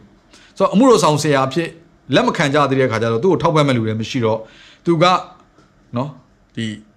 တဲရှင်ချုပ်တယ်ပြီးတော့ပြန်ရောင်းတာပေါ့အယောင်းဝယ်ပြန်လုပ်တယ်ရတဲ့ငွေကြေးကိုသူစားတယ်အဲ့အတွက်အချိန်ပေးလိုက်ရတယ်ဒါပေမဲ့ပိုတဲ့အချိန်မှာသူကအမှုဆောင်တယ်အရင်ဆုံးဘာကိုဖြည့်ရှင်းလဲနော်သူအလုပ်လုပ်နိုင်မှုအတွက်လုံလောက်တဲ့ငွေကြေးပမာဏတစ်ခုရဖို့သူကဖြည့်ရှင်းတယ်မှန်တယ်ပထမဦးစားပေးကတော့ သူ့ရဲ့အမှုတော်ဆောင်လုပ်ငန်းဖြစ်တယ်ဒါပေမဲ့အဲ့ဒါကိုသွားနိုင်ဖို့ရန်သူ့မှာစားဖို့တော့ဖို့လိုတယ်သူသူများစီကလိုက်ပြီးတော့အလှခံမနေဘူးသူများစီကနေပြီးတော့တစ်ခါလိုက်ပြီးတောင်းမနေတော့ဘူးဒီချိန်မှာအလုပ်လုပ်ဖို့လိုလာတယ်ဆိုတာ तू သိလာတယ် तू ချားသူတွေဆက်သွယ်ဖို့အခွင့်အရေးမပေးတဲ့အခြေအနေတခုဖြစ်နိုင်ပါတယ်နော်ကျွန်တော်အဲ့လိုပြောတော့အလှခံတဲ့ຢာတွေကိုကျွန်တော်မှားတယ်လို့ပြောတာမဟုတ်ဘူးနော်ဟိုတောင်းဆိုတဲ့ຢာတွေကိုမှားတယ်လို့ပြောတာမဟုတ်ဘူးအလုပ်လုပ်ရမယ့်အချိန်ကို तू ရောက်လာတဲ့အခါမှာ तू အလုပ်လုပ်တာပဲပြင်းမနေဘူးဒါပေမဲ့ သူအဲ့ဒီ tension ချုပ်တဲ့အလုံနဲ့ပတ်သက်ပြီးကုညီဖို့ရောက်လာတဲ့ခါမှာအဲ့ဒီလုပ်ငန်းတွေအားလုံးကိုလင်မယားနှစ်ယောက်အဲ့ရောက်လာတဲ့ယုံကြည်သူလင်မယားနှစ်ယောက်ကိုလွှဲခဲ့ပြီးတော့နော်သူတို့၃ယောက်လုံးကပေါင်းပြီးတော့အမှုတော်ဆောင်ကြတယ်အဲ့မျိုးမှာအဲ့တော့သူကတော့ tension ချုပ်တဲ့အလုပ်ကိုမလုပ်တော့ဘူးနှုတ်ကပတ်တော်တင်တာတွေအင်္ဂလိပ်တရားဟောတာတွေကိုလုပ်နေတယ်ဟိုလင်မယားနှစ်ယောက်ကစီးပွားရေးလုပ်တယ်ပြီးဝိုင်းကူကြတယ်မြရတဲ့ငွေကြေးတွေကိုအမှုဆောင်လုပ်ငန်းထဲမှာထည့်ကြတယ်ဆိုတော့အဲ့လိုမျိုးစီးပွားရေးလုပ်ငန်းနဲ့တရားဟောတဲ့လူနဲ့အမှုဆောင်နဲ့ပေါင်းပြီးတော့ဖျားရှင်နိုင်ငံတော်ကိုကျယ်ပြန့်မှုရတယ်သူတို့အတူတကွအမှုဆောင်ကြတာဖြစ်တယ်အဲကြောင့် အလုတ်စ조사သောသူတွေအသင်းတော်တွေမှာပေါ်လာဖို့အများကြီးလိုတယ်လူငယ်တွေအလုတ်စ조사ကြစမ်းပါနော်ခါလေဒီတိုင်းနေရင်းနဲ့ခါလေရှုဖနက်လှလာလေးရောက်လာဖို့မမျှော်လင့်ပါနဲ့ဒီတိုင်းနေရင်းနဲ့အိမ်တစ်လုံးအပိုင်ရမယ်လို့မမျှော်လင့်ပါနဲ့ကျွန်တော်ပြောမယ်အခုခေတ်အရန်ခက်ခဲသွားပြီအခုဒီကိုဗစ်ကာလမှာကျွန်တော်အိမ်ငားနေလူအရန်တနာဖို့ကောင်းတယ်ဝင်ငွေရရက်သွားလူအများကြီးရှိတယ်အလုပ်ပြုတ်ပြီးတော့ဒါပေမဲ့အိမ်ကအိမ်ငားကပေးနေရတော့မယ်ပေးနေရတော့ဆိုတော့ဝင်ငွေမရှိဘဲနဲ့ထွက်ငွေကပုံသေးကြီးဖြစ်နေတဲ့အခါမှာအရန်ဒုက္ခရောက်တယ်အဲ့ တော့ကျွန်တော်ယုံကြည်သူတိုင်းဟာနော်အိမ်အပိုင်အိမ်ပိုင်လို့ပြောတဲ့အခါမှာတေးသေးကြီးကြီးနေဖို့နေရတနေရဆိုတော့ရှိဖို့လို့အဲ့တော့ထိုင်နေုံနဲ့ရှိလာမလားမရှိဘူးအလုပ်လုပ်ရမယ်မိသားစုမှာအလုပ်လုပ်နိုင်လူဘယ်နှယောက်ရှိလဲအလုပ်လုပ်နိုင်တဲ့လူတွေကအားထုတ်ပြီးတော့လုပ်ဖို့လိုတယ်အလုပ်စူးစမ်းခြင်းကိုဘုရားရှင်နှစ်သက်တယ်တုတ်တန်34ကိုဖတ်ချင်တယ်ပြင်းတော်သူသည်ဆင်းရဲခြင်းလုံလဝရိယရှိတော်သူသည်ကြွယ်ဝခြင်းတို့ရောက်တဲ့၏ဘယ်လိုရေးထားလဲပြင်းတော်သူသည်ဆင်းရဲခြင်း အဲ့တော့သင်အနာဂတ်မှာဆင်းရဲတဲ့သူဖြစ်မလားချမ်းသာတဲ့လူဖြစ်မလားအခုလက်ရှိအခြေအနေမှာတခါတည်းဘယ်သူမှ live ဆူတောင်းခိုင်းစရာမလိုကိုယ့်ဟာကိုယ် prophet ပြုလို့ရတယ်နော်ကိုယ့်အခြေအနေကိုသိတာပဲကိုပြင်းနေဆင်းရဲတဲ့လူဖြစ်လာမှာမိန်းကလေးတွေယောက်ျားလေးတွေတယောက်နဲ့တယောက်အိမ်တော်ဘက်ရွေးချယ်တဲ့အခါမှာမပြင်းတဲ့လူကိုရှာပါလို့ပဲအားပေးခြင်းတယ်ဘာကြောင့်လဲပြင်းတဲ့လူကိုရသွားရင်တော့သင်ဆင်းရဲမှာပဲဒီလိုလေးပဲအားထုတ်ရတယ်အမှုတော်ဆောင်တွေဆိုပိုအားထုတ်ရတယ်ပေါလုကသူ့ရဲ့အမှုဆောင်လုပ်ငန်းတွေမှာပါဝင်တဲ့လုပ်ဖော်ဆောင်ဘက်တွေကိုဘယ်လိုပြောလဲ ငါတို့ထက်အားနည်းတဲ့လူတွေရှိရင်အလုပ်လုပ်ပြီးမဆာကြစမ်းပါတဲ့အတိတ်ပဲကပါလဲအားနည်းလူမှန်သမျှကိုယ်ပတ်ဝန်းကျင်မှာရှင်တယောက်နဲ့တယောက်မဆာဖို့လိုတယ်အမှုတော်ဆောင်ဆရာကအားနည်းနေအမှုတော်ဆောင်ဆရာကိုသင်သူသင်သားမဆာဖို့လိုတယ်အသင်သူသင်သားအားနည်းနေအမှုတော်ဆောင်ဆရာကအချိန်နေကောင်းလာသူတို့ထက်ကောင်းနေမဆာတာပဲအဲ့တော့တူးနဲ့တူးမဆာနေဖို့ပဲလိုတယ်ဟုတ်ပြီနော်ဒါကြောင့်ကြွယ်ဝသောသူကဆဲသောသူကိုမဆာရမယ်ဒါဖျားရှင်နီလန်းဖြစ်ပါတယ်ကဲနံပါတ်3ချက်နော်ငွေကြေးစီမံခန့်ခွဲခြင်းမှာနံပါတ်3ချက်ကပါလဲကြိုတင် ကြိုတင်တွက်ချက်တဲ့အရာကိုဘုရားရှင်လုပ်ခိုင်းတယ်ကြိုတင်တွက်ဆခိုင်းတယ်ဆိုတော့ဒါဟာငွေကြေးနဲ့ပတ်သက်တဲ့အကြောင်းလို့ကျွန်တော် financial planning ဆိုပြီးအင်္ဂလိပ်လိုရေးထားပါတယ်ငွေကြေးပိုင်းဆိုင်ရာကြိုတင်အစီအမံတွေချခြင်းကြိုတင်နော် budget တွေဆွဲခြင်းဆိုတဲ့အရာပေါ့အဲ့တော့ကျွန်တော်ဒါလေးပြောချင်တယ်အဲ့တော့အရင်ဆုံးဒီရောင်းဒီအကြောင်းအရာလေးအသေးစိတ်မပြောခင်လူကခန်းကြီး14 28ကနေ30ကိုဖတ်ချင်တယ်တင်တို့တွင်တယောက်သောသူသည်တိုက်ကိုတီမီဟုအကြံရှိလျင်ထိုတိုက်ပြီးအောင်ငွေလောက်မီမလောက်မီကိုသိခြင်းကရှေးဦးစွာထိုင်၍ကုန်ကြစရိတ်ကိုမချစ်တွက်ဖဲနေမည်လော သို့မဟုတ်တိုက်မြစ်ကိုတီ၍တိုက်ကိုမပြီးနိုင်လျင်သိမြင်သောသူပေါင်းတို့ကဤသူသည်တီစားပြု၍အစမတက်နိုင်ကဲ့ရဲ့ကြလိမ့်မည်ဒါကဲ့ရဲ့ကြမယ်ဆိုတာအဆက်ကွဲခြင်းကိုပြောတာအဆက်ကွဲခြင်းကဘုရားစီကမလာဘူးဘုရားသခင်ရဲ့မဆာခြင်းဘုရားရဲ့ကောင်းကြီးမင်္ဂလာတွေမှာအဆက်ကွဲခြင်းမပေါ့နော်အဆက်ကွဲခြင်းအမျိုးမျိုးကနေဘုရားရှင်ရွေးနှုတ်ပါဆိုတဲ့အရာအဲ့ဆူတောင်းချက်ဟာကျွန်တော်တို့ဇနီးမောင်နှံနှစ်ယောက်ဆူတောင်းချက်ဖြစ်တယ်ဒါကျွန်တော်ကျွန်တော်တို့ရဲ့မိခင်တွေစီကနော်မိခင်ကြီးတွေစီကတင်ယူရတာကျွန်တော်ရဲ့မိခင်ကြီးတွေကဘယ်လိုဆူတောင်းလဲ ကျွန်တော်တို့ကိုဆူတောင်းကောင်းကြီးပေးတဲ့အခါမှာနော်တားနဲ့သမီးကိုဘုရားသခင်အဆက်ကွဲခြင်းဘေးအမျိုးမျိုးကနေကွဲကားပါအဲ့လိုကောင်းကြီးပေးတယ်တော့အဆက်ကွဲခြင်းဆိုတာကအမင်္ဂလာဖြစ်တယ်နော်ဆိုတော့ဘယ်အချိန်မှအဆက်ကွဲလဲကောင်းမွန်စွာကြိုတင်ပြီးတော့မတွက်ဆထားဘူးမစီမံထားဘူးဆိုရင်ねလူတွေရဲ့ကဲ့ရဲ့ခြင်းကိုမင်းခံရခံရနိုင်တယ်တိုက်တစ်ခုကိုစောင့်မယ်ဆိုရင်ကုန်ကြစရိတ်ဘယ်လောက်ကုန်မလဲဆိုတော့တွက်အဲ့ကုန်ကြစရိတ်ကိုနော်ပေးနိုင်သလား ပေးနိုင်တဲ့ငွေကြေးပမာဏကိုအဲ့ချိန်မှာကုန်ကြနော်စောင့်လုပ်နေတဲ့အချိန်မှာရှိနိုင်မလားဆိုတော့တွက်လူတွေရဲ့ကဲ့ရဲ့စရာမဖြစ်တော့ကိုလှုပ်တဲ့အလုပ်တစ်ခုဟာချောချောမွေ့မွေ့နဲ့အောင်မြင်စွာပြည်စည်းသွားမယ်ဆိုတော့ကျွန်တော်တို့ယုံကြည်သူတွေရဲ့အတိုင်းဝိုင်းမှာပြောတဲ့စကားလေးရှိတယ်ကျွန်တော်တို့အတိုင်းဝိုင်းမှာပေါ့နော်ယုံကြည်ခြင်းခြေလန်းယုံကြည်ခြင်းခြေလန်းဆိုပြီးတခါတည်းအသက်ကုန်နေလှဲရင်းကနေပြီးတော့အကျွေးတွေတင်ဘဝဖြစ်သွားလူအများကြီးရှိတယ်။ဘုရားတော့ကောင်းကြီးပေးမယ်ဒါပေမဲ့ဒီကောင်းကြီးမင်္ဂလာကိုဒီအချိန်မှာဘယ်နေရာမှာသုံးမလဲ။ ကိုသုံးရမယ့်နေရာမှာမှန်ကန်စွာမသုံးရင်ဟိုမှာလိုနေပြီလေမပေးနိုင်တော့ဘူးအဆက်ခွဲခြင်းဆိုတဲ့အရာရောက်လာတော့မယ်။ဒါကြောင့်ဘုရားကောင်းကြီးပေးလာပေးတာပေါ့။ဘုရားခိုင်းပြီဆိုရင် तू ကအနောက်ကပံပိုးခြင်းပါလာပြီးသား။နော်။ဒါပေမဲ့အဲ့ပံပိုးခြင်းကိုကိုကမှားယွင်းစွာနေရာလွှဲပြီးသုံးလိုက်ရင်သွားပြီ။တော့ကျွန်တော်အသင်းတော်မှာအရန်ဂယူးဆိုင်တဲ့နော်အရာလေးတစ်ခုကဘာလဲဆိုတော့လှူဒန်းလိုက်တဲ့ငွေကြေးဟာလှူဒန်းတဲ့သူကဘယ်အတွက်လို့ပြောရင်အဲ့နေရာမှာပဲသုံးတာတခြားနေရာမှာသုံးလို့မရဘူးဆိုပါစို့လှူရှင်တယောက်ကဆရာကြီးဒါကိုဒီငွေကြေးကို နော်ဘုရားကျောင်းအဆောက်အဦနေရာတစ်ဆောက်လို့ရမှာသုံးပေးပါလို့ပြောရင်ကျွန်တော်အဲ့ငွေကြေးကိုယူပြီးတော့ခုပေးကန်ခြင်းစင်းရသားတွေပေးကန်ခြင်းတွေမှာသုံးလို့မရဘူးကျွန်တော်မသုံးโอเคရတာမရတော့ကျွန်တော်မသိဘူးကျွန်တော်မသုံးဒါလည်းကျွန်တော်ကျွန်တော်ရဲ့ဝိညာဉ်ရေးဖခင်နေကျွန်တော်ရဲ့ကျွန်တော်ရဲ့ဖခင်ကြီးတွေစီကတင်ယူရတာယုံကြည်သူတယောက်ကအဆောက်အဦဆိုပြီးတော့လှူရင်အဆောက်အဦထဲမှာပဲသုံးအေဝံဂေလိလို့လှူရင်လှူရင်အေဝံဂေလိထဲမှာမသုံးဆရာအတွက်လို့ပြောရင်အဲ့ဒါအဲ့ခါကျမှကိုအတွက်အဲ့လိုပုံစံမျိုးပေါ့နော်မှန်ကန်ရမှာဒါခလေး ministry အတွက်ဆိုခလေး ministry ကိုသုံး စင်ရသားအတွက်ဆိုစင်ရသားကိုပေးဘလောက်များများနေနေအကုန်ပေးကိုနဲ့ဘာမှမဆိုင်ဘူးသူအဲ့လိုတင်ပေးသွားတာဆိုတော့ဒါအင်မတန်မှကောင်းမွန်တဲ့တင်ကြားခြင်းဖြစ်တဲ့ခါမှာကျွန်တော်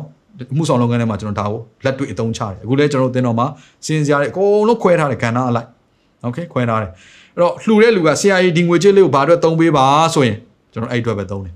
ရှားပဲနေရာမှာမရောက်တော့အဲ့အတွက်ပဲကဲကျွန်တော်နံပါတ်1ချက်ငွေကြေးစီမံခန့်ခွဲမှုမှာနံပါတ်1ချက်ကဘာလဲအရင်ဆုံးဆယ်ဘိုးဘိုးနဲ့ဦးသီး tax and fast food ဆယ်ဘိုးဘိုးနဲ့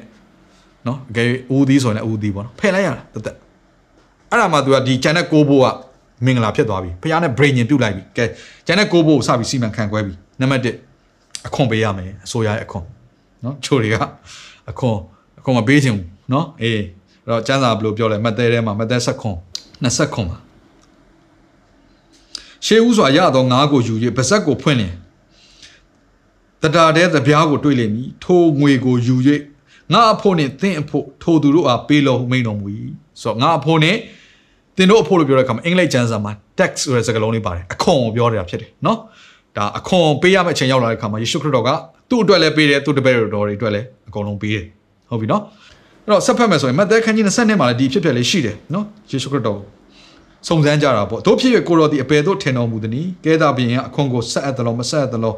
အကျွန်တော်တို့ကမိတ်တော်မူပါအောင်မေးလျှောက်ကြ၏ယေရှုကကြည့်လိုက်တဲ့အခါမှာဒါငါ့ကိုနော်ဒုက္ခရောက်အောင်လုပ်တာဒါစုံစမ်းတာဆိုယေရှုသိသွားတဲ့အခါမှာအငယ်16မှာအခွန်ငွေတပြားကိုပြပါဟုမိန်တော်မူ၍ဒေနာဤတပြားကိုယူခဲ့ကြ၏ဤပုံဤလိပ်စာကအဘယ်သူဤပုံအဘယ်သူဤလိပ်စာဖြစ်သည်ဟုမေးတော်မူလျင်ကဲသာဘုရင်ဤပုံလိပ်စာဖြစ်ပါသည်ဟုရှောက်ကြတော့ယေရှုကလည်းကဲသာဘုရင်ဥစ္စာကိုကဲသာဘုရင်အားဆက်ပေးကြလော့ဖျားသခင်ဥစ္စာကိုကဖျားသခင်အားဆက်ပေးကြလော့မိန်တော်မူ၏အဲယေရှုခရစ်တော်က ခွန်ပေးခိုင်းတာပေးခိုင်းတယ်ကျွန်တော်ပြောမယ်အဲ့အခွန်ကဘယ်ကလာလဲသိလားကျွန်တော်တို့အဲ့ဒီဣသရေလလူမျိုးတွေပဲစလိုက်တာအဲ့ဒါဘာလဲသိလားဘုရားသခင်ကပြောငါမင်းတို့ရဲ့ရှင်ဘုရင်ဖြစ်တယ်မင်းတို့ကိုဥဆောင်တော်သူဖြစ်တယ်ဣသရေလလူမျိုးတွေကမဟုတ်ဘူးကျွန်တော်တို့ကိုရှင်ဘုရင်ပေးပါဒါနဲ့ဘုရားသခင်ကခါလဲပရောဖက်ကတစင်သူတို့ကိုသတိပေးခိုင်းတယ်သူတို့ကိုသတိပေးပါအဲ့ဒါဘာလဲဆိုတော့မင်းတို့ရှင်ဘုရင်လိုချင်လို့ရှင်ဘုရင်ရပြီဆိုရင်မင်းတို့ရဲ့သားသမီးတွေကိုနော်သားတွေကိုစစ်မှုထမ်းခိုင်းလိမ့်မယ်ပြီးရင်မင်းတို့အခွန်ခတွေပေးရလိမ့်မယ်နော်ပေးမယ်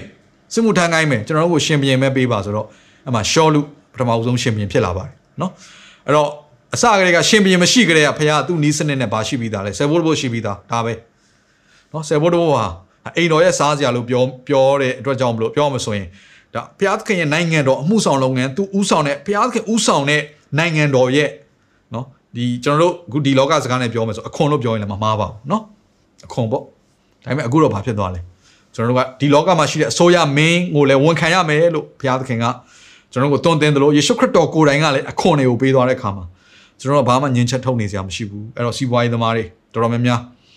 ကျွန်တော်အားလုံးအားပေးခြင်းနဲ့အခွန်ရှောင်ဖို့မကြိုးစားကြပါနဲ့ဆုတောင်းပါဘုရားသခင်နဲ့မှန်ကန်မှာအခွန်ဆောင်ကြပါဒါတင်းရဲ့ငွေကြေးပိုင်းဆိုင်ရာတန်ရှင်းခြင်းကိုပြောတာဖြစ်တယ်နော်တန်ရှင်းသောငွေကြေးကျမ်းမာသောငွေကြေးဆိုရအဲ့အချိန်မှာရလာလိမ့်မယ်နောက်ထပ်တစ်ချက်ကတော့နေထိုင်ရေးနဲ့ပတ်သက်တဲ့ housing နေတဲ့ထိုင်အဲ့တော့အိမ်ငါပဲနေနေ ကိုပိုင်ပဲနေနေအိမ်နဲ့ပတ်သက်ပြီးတော့ကုန်ကြတဲ့ငွေကြေးငွေကြေးရှိနိုင်တယ်အိမ်ပိုင်ကတော့ဒါသူ့အတွက်တော်တော်လေးတော့အဆင်ပြေသွားပြီလေအိမ်နဲ့ပတ်သက်ပြီးတော့ပေးစရာမလိုဘူးဒါပေမဲ့တချို့တွေကအရစ်ကြနဲ့အိမ်ဝယ်တာရှိတယ်ချို့တွေအိမ်ငှားနေတာရှိတယ်ဆိုရင်ပေးရမယ့်ငွေကြေးပမာဏကိုဖယ်ရမယ်နေထိုင်ရေးအရေးကြီးတယ်ဆိုတော့အဲ့တော့အသင်ရဲ့ budget ထဲမှာအဲ့ဒါပါပြီလားကဲနောက်တစ်ခုကတော့အစားအသောက်အိမ်မှာကလေးတွေရှင်စားဖို့လိုတယ်တင်ကိုယ်တိုင်နဲ့စားဖို့လိုတယ် ဆိုဒါတွေကမဖြစ်မနေသုံးရမှာချို့တွေကဝင်ဝင်ဝင်လာပြီဆိုတခါလိုချင်တဲ့ပစ္စည်းတန်းပြေးပြီးတော့သွားပြီးတော့ဝယ်လိုက်တာအလှပတွေရှိတတ်တယ်အဲ့တော့အခုကျွန်တော်စီပေးလိုက်တဲ့အရာလေးဟာဦးစားပေးတွေဖြစ်တယ်ဦးစားပေးတွေโอเคဆယ်ဘိုးဘိုးနဲ့ဦးသီးကပထမဦးစားပေးဖြစ်တယ်ပြီးရင်အစိုးရနဲ့သက်ဆိုင်တဲ့အခွန်အဲ့တော့အဲ့ဒီအခွန်ခါတွေမှာဘာတွေပါလာနိုင်မလဲเนาะမီတာနဲ့ပတ်သက်တဲ့ရေနဲ့ပတ်သက်တဲ့ဒါလည်းအစိုးရကနေပြီးတော့เนาะเนาะဒါအခွန်ခခောက်အခွန်ခအနေနဲ့ကောက်ခံတာပဲလေเนาะဒါတွေလည်းပါလာလိမ့်မယ်ကဲဟုတ်ပြီနောက်တစ်ခုက နော်အစားတော့ပြီးရင်နောက်တစ်ခုကပါဆိုမိသားစုအသုံးစရိတ်အရေးကြီးပါတယ်အဲမိသားစုအသုံးစရိတ်ထဲမှာဖုန်းတွေသုံးကြတယ်မလားဖုန်းကလည်းကုန်တာပဲထည့်တွက်ထားရမယ်နော်အဲ့တော့ချိုးတွေကကားဝယ်ရင်ကားအရေးကြဝယ်ရရှိတယ်ကားကဖယ်ရမယ်ဘတ်ကားစီးဘတ်ကားကတက်ဆီစီးရလူကတလောက်မှတက်ဆီဘလောက်ဘလောက်နော်တက်ဆီကငါဘလောက်သုံးလဲမှတ်တမ်းရေးကြပါနော်ဝင်ငွေထွက်ငွေစင်းရေးကြပါမပြင်းကြပါနဲ့အခုခေတ်ဆိုဖုန်းတွေအားလုံးရှိတာပဲဖုန်းထဲမှာ notes လေးရေးထားလိုက်ရပြီတော့ပတ်စံထွက်သွားတဲ့တခါတည်းကောက်ပြီးတော့အကြောင်းအရာရေးထားလိုက်နေဆွဲလေးနဲ့ ပြီးအကြောင်းအရာရေးထားလိုက်အကြောင်းအရာရေးထားလိုက်ဒါတနေ့ကုန်ပြီးသွားရင်ငါဒီနေ့ဘယ်လောက်သုံးလဲတန်းပေါ်တယ်နောက်ဆုံးကြရင်တစ်လပြည့်သွားရင်အမျိုးသားတွေခွဲပလိုက်တော့ငါကားကဘယ်လောက်သုံးလဲနော်စသဖြင့်အစားတော့တွေဘယ်လောက်သုံးလဲစသဖြင့်အဲ့လိုမျိုးအမျိုးသားတွေခွဲပြီးတော့စုလိုက်ရင်ဩငါဒီကဏ္ဍမှာအများကြီးသုံးထားပါလားငါဒီကဏ္ဍမှာမလိုအပ်ဖက်နဲ့အများကြီးကုန်နေပါလား short short ချလို့ရတယ် okay ကဲအဲ့တော့အဲ့ထက်မှာမိသားစုသုံးဆတဲ့မှာကလေးတွေចောင်းစေးပါနိုင်တယ်ပညာရေးနဲ့ပတ်သက်တာပါနိုင်တယ်နော်ကျမ်းမာရေးနော်ကျမ်းမာရေးနဲ့ပတ်သက်ပြီးတော့သုံးဆွဲတယ်နော်အဲ သုံးဆွဲတဲ့အရာတွေပါလာမယ်ဆေးဝယ်တာတွေအစနော်ဆေးကန်းတွေသွားတာကအစပေါ့နောက်တစ်ခုကပါလဲဆိုတော့ပေးလူချင်းပေးခန်းချင်းမိသားစုအသုံးစရိတ်လုံလောက်သွားပြီးသွားပြီဆိုရင်ဘာလို့ထည့်စဉ်းစားဖို့လို့ဆိုတော့ပေးကန်းချင်းပေးလူချင်းကိုထည့်စဉ်းစားဖို့လို့တယ်နော် offering and giving offering ဆိုတာကဘုရားသခင်နဲ့ဆိုင်တဲ့ပေးလူချင်း giving ဆိုတာကတော့အကူအညီလိုအပ်သောသူတွေကိုဝေမျှခြင်းတော့တင်းရဲ့ဝင်ငွေတွေကနေအဲ့လိုဝေမျှနိုင်မယ်အင်အားရှိသလားအင်အားရှိရင်ဝေမျှပါနော်အကယ်၍တင်ဟာငွေကြေးကို struggle လုပ်နေရတယ် minus ပြနေတယ်ပေါ့ အကျွေးလဲတင်နေတယ်ဆိုရင်ပေကန်ချင်းကိုအဲ့လောက်ကြီးနော်အတိတ်အာဓမကြီးမလုပ်ဖို့ကျွန်တော်အကြံပေးခြင်းတယ်အရင်ဆုံးသင်အကျွေးရှင်းအောင်အရင်လုပ်အရင်ဆုံးသင်ရဲ့ငွေကြေးပိုင်းဆိုင်မှာရှော့ရမယ့်အရာကိုအရင်ဆုံးရှော့အောင်လုပ်သင်ပေးခြင်းရင်အသုံးစိတ်မှာရှော့ပလိုက်သင်ပေးခြင်းရင်သူများကိုဝေမျှခြင်းထမင်းစားတဲ့နေရာမှာဟင်းတွေကိုရှော့ပလိုက်ကုန်ကြစည်ကိုရှော့ဖုံးသုံးတဲ့နေရာမှာကုန်ကြစည်တွေရှော့ဒါဆိုရင်ပိုထွက်လာမယ်ပေးလို့ရပြီအဲ့တော့ကိုကလည်းမရှော့ဘူးဝင်ငွေကလည်းအကန့်အသတ်ရှိတယ်အဲ့ကြားတဲ့ဒီခါလည်းပေးဆိုလို့ပေးခြင်းတယ် ဆိုရင်နောက်ဆုံးမှာတင်အကျွေးတွေရောက်သွားလိမ့်မယ်အဲ့တော့မှန်ကန်တဲ့ပေးလူခြင်းလဲရှိဖို့လိုတယ်အဲ့တော့ကျွန်တော်တို့ဘုရားကျောင်းမှာဆိုဒီလိုရှိတယ်ဒါလေးကျွန်တော်ရှင်းရှင်းလင်းပြောပြစီနော်ဒါအရေးကြီးတယ် tithes and offering ဆိုပြီးတော့ရှိတယ်ဆယ်ဘိုးတဘိုးနဲ့စေနာစိတ်အပြင်ပေးလူတော့အလှငွေများသောအပြင်ကျွန်တော်ဘုရားကျောင်းဆိုရင်ဆယ်ဘိုးတဘိုးဆိုစာရီလေးထည့်တယ်အလှငွေဆိုရင်လက်ထဲမှာဒီတိုင်းပဲကင်ပြီးတော့ထည့်လိုက်တယ်ကျွန်တော်ပြောပြမယ်ဆယ်ဘိုးတဘိုးကိုမှန်မှန်ထည့်တာနဲ့တော်တော်လုံလောက်နေပါပြီနော်ဟိုကျွန်တော်တင်းအောင်ဆရာအနေနဲ့ပြောရတာနော်ဒါကို ပြောတဲ့အခါမှာဒါတမန်တရားအတိုင်းပဲကျွန်တော်တင့်ကိုလည်းအဆင်ပြေလုံးဝဒီငွေကြေးချုံအောင်ကျွန်တော်လွတ်မြောက်စေချင်လို့ပြောတာဖြစ်တယ်အဲ့ဒီဆယ်ဘိုးတဘိုးဆိုတာတဲ့အနေကိုဖျားနော်ပြောတင်ဖျားကိုဘယ်လောက်ထိချစ်လဲဆိုတာပေါ်ပြပြီးနေပြီ offering ကတော့ဘုရားကိုအရန်ကျေးဇူးချီးမွမ်းလွန်းလို့ဒါမှမဟုတ်ကျေးဇူးချီးမွမ်းတာတစ်စုံတစ်ခုရှိလို့ကြံဖန်ကျေးဇူးတော့ချီးမွမ်းပြီးတော့ထဲ့မယ်ဆိုထဲ့ပါဒါပေမဲ့ကိုကနှမျောနေတယ်ဆိုရင်အဲဒီစကားလိုက်နှမျောနေတယ်ဆိုရင်ကို့မှာလည်းငွေကြေးခက်ခဲရှိနေတယ်ဆိုရင်မထဲ့နဲ့ပေါ့ offering ဘယ်သူမှတင်းကိုတင်းဟုတ်စရာလာပြီးတော့တင်းကိုအာမထဲ့ဘူးဆိုပြီးပြည့်ဘယ်သူမှလာမတင်ဘူး okay စက်ဘလို့ပဲထဲ့ပုံမှန်တင်းငွေကြေးကိုရအောင် handle လုပ်တေချာရအောင် balance ဖြစ်အောင်တေချာပြန်လုပ်ပို့လာပြီဆိုရင်အမှ hallelujah အရင်ကတော့ငါ့ရဲ့ငွေကြေးမပို့ဘူးအရင်ကတော့ငါငွေကြေးအခက်အခဲတွေ့တယ်အခုတော့ပိုရှန်လာပြီဘုရားသခင်ကိုတော့ကျေးဇူးတော်ကိုချီးမွမ်းပါတယ်အဲ့မှာလာပြီ offering ဆိုတဲ့စကားပူဇော်ခြင်းဆိုတဲ့အရာလာပြီโอเคအဲ့တော့ဘုရားသခင်ဣသရေလလူမျိုးတွေကိုပူဇော်ခြင်းဆိုတဲ့အရာတွေလောက်ခိုင်းတဲ့အခါမှာသူတို့ရဲ့မြေကထွက်တဲ့အသီးနှံတွေကနေပူဇော်ခိုင်းတာ အကျွေးတွေကနေပူဇော်ခိုင်းတာမဟုတ်ဘူးနော်အဲ့ဒီသူတို့ရဲ့တိုးပွားခြင်းတွေကနေပူဇော်ခိုင်းတာဖြစ်တယ်ဒါကြောင့်ကျွန်တော်တို့သိဖို့လိုတယ်ကျွန်တော်တို့ရဲ့နော်အားထုတ်ခြင်းအဖြစ်တော်လကောင်းကျွန်တော်တို့ယင်းနှမြုပ်နှံခြင်းအဖြစ်တော်လကောင်းအမျက်တွေရလာတယ်ဆိုရင်အဲ့ဒီကနေ servo တို့ဖယ်ပါ offering ဖယ်ပါဒါပေမဲ့လေတင်းရဲ့ငွေကြေးက minus ပြနေတယ်အကျွေးတင်နေဆိုရင်အဲ့ပြဿနာကိုအရင်ဖြေရှင်းပါ okay ဆယ်ဘိုးတဘိုးကတော့တေချာမောက်ဒါဖယ်တဲ့နေရာဖြစ်တယ်ဒါပေမဲ့အခုကျွန်တော်ပြောနေတာ offering နဲ့ giving ဆိုတဲ့ဘုရားသခင်ကိုပေးလူခြင်းနဲ့ဆင်းရဲသားများကိုမဆာခြင်းဆိုတဲ့အရာကို တင်းရဲ့အကျွေးကိစ္စကိုအရင်ရှင်းပြီးမှပေးလူခြင်းကိုသွားပါလို့ကျွန်တော်အကြံပေးခြင်းတယ်ကဲနောက်တစ်ခုကတော့ယင်းနှမြုံနှံဖို့ငွေကြေးရလာရင်ပိုရှန်တဲ့ငွေငွေကြေးထဲမှာယင်းနှမြုံနှံကြတိတ်အရေးကြီးပါတယ်ကျွန်တော်ပြောမယ်ငွေကြေးကိုထဲလက်ထဲကိုရောက်လာပြီဆိုရင်နော်တင်းကောင်းတယ်ပထမဆုံးရှိရမယ့်အတွေ့အခေါ်ပါလဲဆိုတော့ဒီငွေကြေးကိုတိုးပေါအောင်ဘယ်လိုလုပ်မလဲအဲ့ဒါစဉ်းစားပါအဲ့စဉ်းစားပါသစ်စီကိုကောင်းကြီးမင်္ဂလာတစ်စုံတစ်ခုရောက်လာရင်တိုးပွားအောင် ဘယ်လိုလုပ်မလဲဘုရားရှင်ဉာဏ်ပညာတောင်းခံစောစောကလည်းကျွန်တော်ပထမဦးဆုံးအဖွင့်မှာကြမ်းမိုက်ဖတ်ခဲ့ပြီးပြီပညာရှိသောသူရဲ့စီးစိမ်ဟာသူ့ရဲ့ဥရဥရတရဖို့ဖြစ်တယ်သူ့ရဲ့အသရေဖြစ်တယ်သူ့ရဲ့တင့်တယ်ခြင်းဖြစ်တယ်သူ့ရဲ့ဘုံဖြစ်တယ်ဘသူရဲ့စီးစိမ်လဲပညာရှိသောသူရဲ့စီးစိမ်စီးစိမ်အားလုံးပြောတာမဟုတ်ပညာရှိသောသူရဲ့စီးစိမ်ကပဲဥရတရဖို့ဖြစ်တာအဲ့တော့စီးစိမ်နဲ့ဘာတွဲလာရမလဲဉာဏ်ပညာတွဲလာရမယ်ဘသူပေးနိုင်လဲဘုရားသခင်ပေးနိုင်တယ်တင်းရဲ့စီးစိမ်ကိုကောင်းမွန်စွာ နော်ဘယ်လိုပုံစံနဲ့ invest လုပ်နိုင်မလဲဘုရားရှိခိုးဉာဏ်ပညာတောင်းခံပါခက်ခဲတဲ့အချိန်မှာသူများတွေကရင်းနှီးမြှုပ်နှံကိုကြောက်တဲ့အချိန်မှာအံ့ဩစရာဘုရားရှင်တကားတွေဖွင့်နိုင်တယ်ဒီနေ့ပဲယုံကြည်ပါဟာလေလုယာနောက်တစ်ခုအဲ့ဒါပြီးတော့မှယင်းနှိမ့်မြုပ်နှံခြင်းဆိုရဲတိုးပွားခြင်းဆိုတာကိုစဉ်းစားပြီးတော့မှလက်တွေ့လုပ်ပြီးတော့မှဘာလာရလဲဆိုတော့အဝတ်စားတွေအသုံးဆောင်တွေအလှပတွေအဲ့ကြမှာလာတာနော် clothing and accessories ဆိုအဲ့ကြမှာလိုအပ်တဲ့ပစ္စည်းလိုက်ဝယ်ရတာတချို့တွေကလကထုတ်တာနဲ့လိုအပ်တဲ့ပစ္စည်းတွေဝယ်ပြီးသားကျန်တာဘယ်ခဏနေရော ကိုလိုချင်တဲ့ဟာအတင်းသွားဝယ်တယ်အဲ့ဒါတက်မှတ်ခြင်းနဲ့ဆိုင်တယ်နော်တင်းတော့ဘာမှအကျိုးမရှိဘူးအရင်ဆုံးတင်းဟာ surplus ဆိုတဲ့ portion နဲ့နေရာတစ်ခုရောက်ဖို့နော်အသက်တာအခြေအနေတစ်ခုရောက်ဖို့ပြင်ဆင်ပါလို့ကဲနောက်ဆုံးတစ်ခုကတော့အနာဂတ်အတွက်စုဆောင်းခြင်းဒါကတော့အရေးပေါ်ကိစ္စတွေကျန်းမာရေးတွေအတွက်ကျွန်တော်တို့ကတနေ့တနေ့အသက်ကြီးလာမှာပဲကျန်းမာရေးကဘလိုပဲဖြစ်ကိုယ်ခန္ဓာအားနေခြင်းဆိုတဲ့အရာလာမှာပဲအရေးပေါ်များလိုခဲ့ရင်နော်လူများစီတောင်းရမယ့်အခြေအနေတစ်ခုရှိလာနိုင်မယ်အဲ့တော့အခွန်ငွေကိုကောင်းမွန်စွာကောက်နိုင်တဲ့ နိုင်ငံတွေတိုးတိုးတက်တဲ့နိုင်ငံတွေနောက်တစ်ခုအထူးဖြင့် American လိုနိုင်ငံနှုတ်ကပတ်တော်ကိုကိုနှုတ်ကပတ်တော်ကိုအခြေပြုပြီးတော့ constitution ဒီအခြေခံဥပဒေကိုဆွဲထားတဲ့ American လိုနိုင်ငံမျိုးကနော်ဒီလိုတိုးတက်တဲ့နိုင်ငံတွေမှာငွေကြေးချမ်းသာတဲ့ခါမှာသူတို့ရဲ့နိုင်ငံသားကိုအရန်ကြည့်တယ်ကျွန်တော်စင်ကာပူမှာရှစ်နှစ်နေခဲ့တော့သူဒီအစိုးရကစင်ကာပူအစိုးရကသူ့ရဲ့နိုင်ငံသားတွေတနေ့ကျရင်အသက်ကြီးလာတဲ့အချိန်ကျန်းမာရေးချိုးရင်းတဲ့အချိန်ကျရင်ဆေးကူးဖို့နေမဲ့သူတို့သူတို့နေဖို့ရန်နေရာရှိဖို့ရန်သူတို့စားဖို့ရန်စားတော့ရှိဖို့ရန်အကုန်လုံးကိုအလုတ်လုတ်တဲ့အချိန်ကလေးက ပတ်စံဖယ်ပြီးစုပေးထားတာသူတို့ကအတိုးတွေပါတက်နေရောနော်အဲ့တော့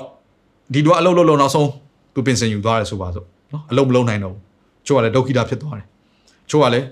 နော်သူတို့သားသမီးတွေသိဆုံးသွားတယ်ကြည့်မဲ့လို့မရှိတော့ဘူးသူတို့အစိုးရကသူတို့ရဲ့ငွေနဲ့ပဲပြန်ကြည့်ပေးတယ်ဘာကြောင့်တောက်လျှောက်စုခဲ့စုလာခဲ့ပေးတာအဲ့တော့သူတို့ပေးတဲ့လာကတွေကလည်းလုံလောက်တဲ့လုံလောက်တာပြင်ပိုရှန်တဲ့လာကတွေကိုပေးတယ်ဆိုတော့အစိုးရကဖယ်ပြီးစုပေးလို့ရတယ် ဒါကြောင့်ကျွန်တော်တို့အတွက်အခုမြန်မာနိုင်ငံလိုနေရာမျိုးမှာအလောက်ကန်ရှားပါတာတွေရှိလာတဲ့အခါမျိုးမှာခက်ခဲဆိုတော့ကျွန်တော်သိပါတယ်သို့တော်လည်းပဲတင်းနဲ့ကျွန်တော်ယုံကြည်သူတွေပဲနော်သူများတို့မှာဖွင့်နိုင်တဲ့တကားတွေလမ်းတွေကိုဖျားဖွင့်နိုင်တယ်ဆိုတော့ယုံကြည်ပါအာမင်ဒါကြောင့်ကျွန်တော်တို့အလောက်ကန်ကောင်းတွေရမယ်ဟာလေလုယာနိနော်တကယ်ကိုကိုယ့်အတွက်လုံလောက်ရုံနဲ့မကောက်ပိုရှန်တဲ့ငွေကြေးတွေကိုလည်းဖျားရှင်ကောင်းကြီးပေးမယ် နော်လာကကောင်းကောင်းနဲ့ဒါမှမဟုတ်စီးပွားရေးလုပ်တော်သူတွေကအင်တာမကောင်းမတဲ့စီးပွားရေးလုပ်ငန်းတိုးပွားတဲ့စီးပွားရေးလုပ်ငန်းရမယ်ဆိုတော့ယုံကြည်ခြင်းနဲ့ဆုတောင်းပြီးဖျားစီကမျှော်လင့်ရအောင်အာမင်မြေကြီးဘန္နာနဲ့ဆိုင်တဲ့အကုန်လုံးကိုထိန်းချုပ်ထားသောတော့များဟာယေရှုခရစ်တော်စီမှာရှိတယ်အဲ့တော့ကိုဖျားသခင်အသင်းတော်ကိုပေးချင်တာဖြစ်တယ်အာမင်သင်ကိုငါကောင်းကင်နိုင်ငံတော်ရဲ့တော့တွေငါပေးမယ်ဆိုတဲ့အခါမှာအဲ့ဒါအသင်းတော်ကိုပြောနေတာဖြစ်တယ်နော်ပေတီကိုပြောတဲ့အခါမှာအသင်းတော်ကိုပြောနေတာဖြစ်တယ်ဒါကြောင့်ဒီအသင်းတော်ဒီမြေကြီးနဲ့ဆိုင်တဲ့ဘန္နာသူပြင်ငွေကြေးပိုင်းဆိုင်ကြွယ်ဝမှုကိုကင်ထားတဲ့ ကြွယ်ဝခြင်းကိုကင်ထားတဲ့နေရာဖြစ်ဖို့ဘုရားရှင်အလိုရှိတဲ့တော့ကြောင့်မလို့ဒီနေ့ယုံကြည်သူများကိုယ့်ရဲ့စီးပွားရေးလုပ်ငန်းကနေဘုရားကောင်းကြီးပေးတဲ့ကြွယ်ဝခြင်းကိုမျှော်လင့်ရအောင်အာမင်အာမင်ကျွန်တော်ငွေကြေးစီမံခန့်ခွဲမှုနဲ့ပတ်သက်တယ်ပေါ့နော်သင်ဟိုကြည်ရမယ့်အချက်လက်တွေဖြစ်တယ်အဲ့တော့နိုင်ငံတစ်နိုင်ငံနဲ့တစ်နိုင်ငံဝင်ငွေအမျိုးအစားပေါ်မူတည်ပြီးတော့နောက်တစ်ခုစီးပွားရေးလုပ်တော်သူနဲ့ဝန်ထမ်းပေါ်မူတည်ပြီးတော့အခုဆက်ဆက်ကျွန်တော်ပြောတဲ့ငွေကြေးစီမံခန့်ခွဲမှုကအပြောင်းလဲအများကြီးရှိပါတယ်ကျွန်တော်ကတော့အားလုံးအတွက်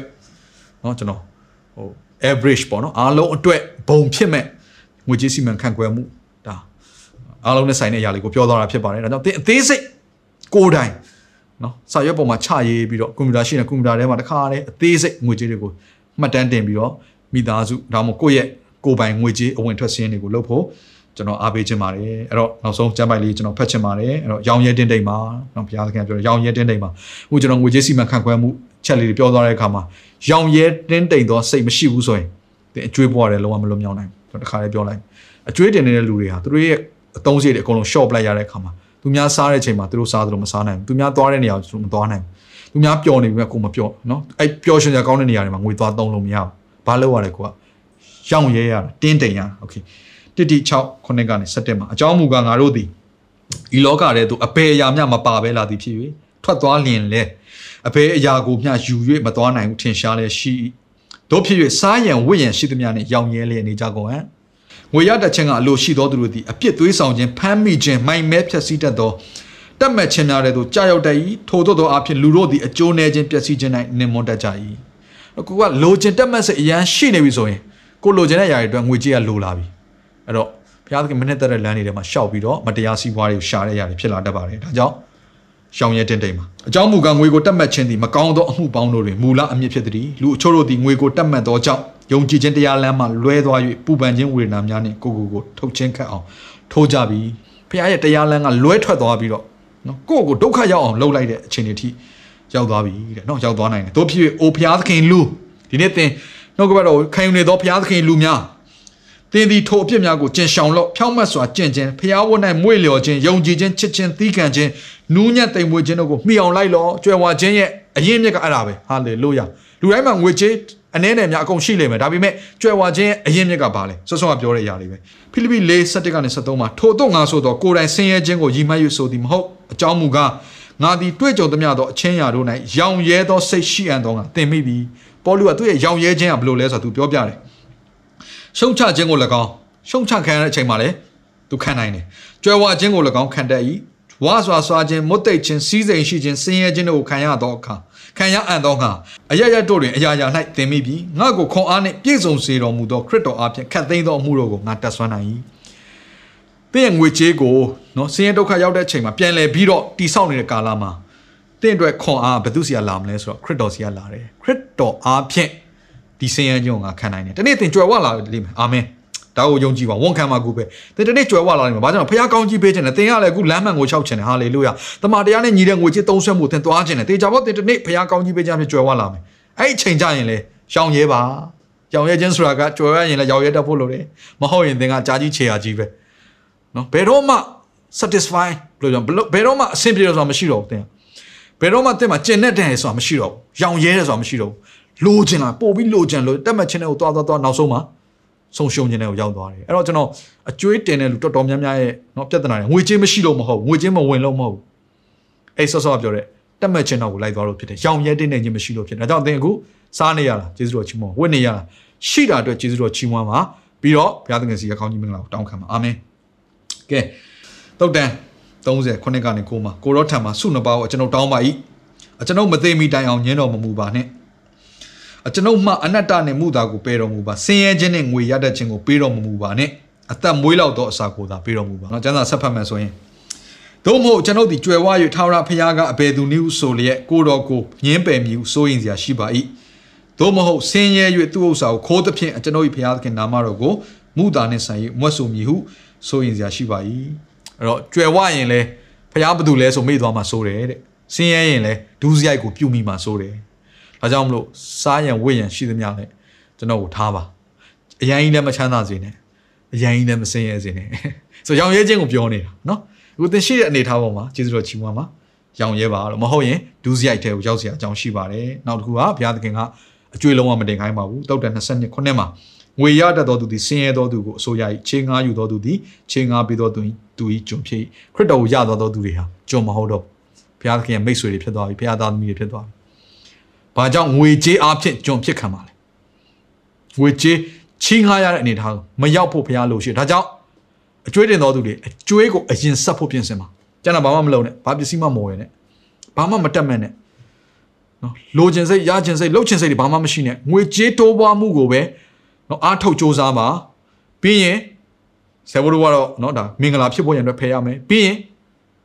တင်းအကျွေးဆက်ဖို့ပြင်ဆင်ပါအကျွေးဆက်တဲ့နီလန်ပေါင်းစုံအများကြီးရှိတယ်နော် အကျွေးကနေလွတ်မြောက်ခြင်းဆိုရရောက်တသက်ကျွန်တော်နှုတ်ကပတ်တော့ထပ်ပြီးတော့ဝင်ငှမယ်ကဲယောမ73ရှစ်မှာအချင်းချင်းချစ်ချင်းမြတ်တာမှာတပါအပဲအကျွေးမြမတင်စေနဲ့သူတစ်ပါးကိုချစ်တော်သူသည်အကျင့်တရားနဲ့ပြည့်စုံပြီဘုရားသခင်ကအကျွေးဘာအကျွေးမှမတင်စေခြင်းဘူးအဲ့ထက်မှာငွေကြေးလဲပါတယ်နော်ငွေကြေးလဲပါတယ်ဒါကြောင့်အခုနားထောင်နေတဲ့သူတွေအကျွေးဘဝကနေလွတ်မြောက်ဖို့ဘုရားရှင်တင့်ကို ယနေ့ပဲစကားပြောပါစေယနေ့ပဲကောင်းကြီးပေးပါစေယနေ့ပဲကယ်နှုတ်ပါစေဟာလေလုယာနော်နောက်တစ်ချိန်ကျွန်တော်တို့ပြန်ဆောင်တွေ့တဲ့အချိန်ကျရင်သင်စီကအကျွေးကနေလွတ်မြောက်သွားတဲ့တက်သေးခံချက်ကျွန်တော်ကြားမယ်လို့ယုံကြည်တယ်အာမင်ဆာလန်38လေးဟာဒီနှုတ်ကပတ်ကျမ်းစာတစ်ခုလုံးမှာကောင်းကြီးခံစားဖို့အနှစ်ချုပ်ကျမ်းစာဖြစ်တယ်ထာဝရဘုရား၌မွေးလျော်ခြင်းရှိလို့တို့ပြုလင်စိတ်နှလုံးအလိုပြည့်စုံသောအခွင့်ကိုပေးတော်မူမည်ကြွယ်ဝသောယုံကြည်သူဖြစ်ချင်တာပေးကမ်းနိုင်သောယုံကြည်သူဖြစ်ချင်တာဘုရားသခင်နဲ့မှန်ကန်သောယုံကြည်သူဖြစ်ချင်တာတန်ရှင်သောအသက်တာမျက်နှာရခြင်းနဲ့ ဆိုင်သောကောင်းကြီးမင်္ဂလာနဲ့ပြည့်ဝနေသောမိသားစုဖြစ်ချင်တာဟာလေလုယာအသင်းတော်ဖြစ်ချင်တာအမှုဆောင်လုပ်ငန်းဖြစ်ချင်တာထာဝရဘုရားနဲ့မွေလျော်ခြင်းရှိတော့ထားတဲ့ထာဝရဘုရားနဲ့မွေလျော်ခြင်းရှိတော့တို့ပြုလင်စိတ်နှလုံးအလိုပြည့်စုံသောအခွင့်ကိုပေးတော်မူမည်ခဏတော့ဆုတောင်းကြအောင်ဘုရားသခင်ကိုရောကိုယေရှုတင်တဲ့ဒီနေ့နှုတ်ကပတ်တော်ကိုကြားတော်သူတွေသည်တမန်တရားနဲ့အညီဝေကျေးကိုတုံးဆွဲ၍စီမံတတ်တော်သူတွေဖြစ်ပါစေအထူးသဖြင့်ဉာဏ်ပညာကိုပေးပါပညာဉာဏ်ရှိတော်သူရဲ့စီစဉ်ဥစ္စာဟာဟောသူရဲ့ဥကောင်းမှာတရဖူဖြစ်တယ်လို့မျိုးပဲဒီနေ့ ဒီမှာရှိတော်သူတွေဒီဉာဏ်ပညာနဲ့ပြုတော်သူတွေဖြစ်ဖို့တာကောင်းကြီးပေးတယ်နှုတ်ကပတ်တော်နဲ့အညီငွေကြေးကိုဘယ်လိုစီမံခန့်ခွဲရမလဲမြုံနှံရမလဲဆိုတဲ့အရာတွေကိုသဘောပေါက်တော်သူတွေဖြစ်ပါစေငွေကြေးကောင်းကြီးခံစားလာတဲ့အခါမှာစီစဉ်ကိုခံစားလာတဲ့အခါမှာသူတို့ပြင်ကိုတော်နဲ့ brain ညင်ပြုတ်တတ်တော်သူတွေဖြစ်ပါစေဆယ်ဘိုးတဘိုးအားဖြင့်ကိုတော်ကိုစက္ကတ်တတ်တော်သူတွေဖြစ်ပါစေယေရှုတင်နဲ့နှုတ်ကပတ်တော်အားဖြင့်ရောက်စီရင်လွတ်မြောက်ခြင်းရှိပါစေကျမ်းမာခြင်းရှိပါစေတန်ရှင်းခြင်းရှိပါစေဟာလေလုယာ ဟောအကျွေးဘွားကလွတ်မြောက်ခြင်းရှိပါစေကြွယ်ဝခြင်းနဲ့သူတို့တက်တာတွေရောက်ပါစေမင်္ဂလာနဲ့ပြည့်ဝသောတက်တာတွေဖြစ်ပါစေခရစ်တော်ဤမြတ်သောနာမကိုအမိပြု၍ဆုတောင်းကောင်းကြီးပေးကြပါ၏ဖဖျားသခင်အာမင်ဟာလေလုယာသင်ကြွယ်ဝသောသူဖြစ်တယ်ဘုရားရှင်သင်ကိုအထူးကောင်းကြီးပေးပါစေဒီအစီအစဉ်လေးအပြင်တင်းရဲ့အသက်တာမှာကောင်းကြီးဖြစ်မယ်ဆိုတာကိုကျွန်တော်ယုံကြည်ပါတယ်ဗီဒီယိုကြည့်ပြီးခံယူလို့သူများအတွက်အပတ်စဉ်တရားဟောခြင်းများ Bible Study ကြီးမွန်ကိုးကွယ်ခြင်းနဲ့အခြားသောအကြောင်းအရာတွေဟာ တင်းအတွက်အဆင်သင့်ရှိနေပါတယ် YouTube မှာ The City Space TV လို့ရိုက်ထည့်လိုက်တဲ့အခါကျွန်တော်တို့ကိုတွေ့ရှိမှာဖြစ်ပါတယ် Subscribe လုပ်ခြင်းအပြင်တင်းနဲ့ထက်ချက်မကွာအမြင်ရှိနေပါပါဒါအပြင် Facebook မှာလည်း The City ရန်ကုန်လို့ရိုက်ထည့်လိုက်တဲ့အခါသတင်းအချက်အလက်နဲ့ poster တွေကိုအချိန်နဲ့တပြေးညီတွေ့ရှိအောင်မှာဖြစ်ပါတယ်ခင်ဗျာ The City Podcast ကိုနားထောင်ကြတိုင်းဖျားသခင်ရဲ့ထူကြသောဖွင့်ပြချက်နဲ့ကောင်းကြီးမင်္ဂလာများခံစားမိကြောင်းကျွန်တော်ဆုတောင်းရင်ဤစီစဉ်လေးကိုဒီမှာပဲညှိနှိုင်းပါရစေခင်ဗျာ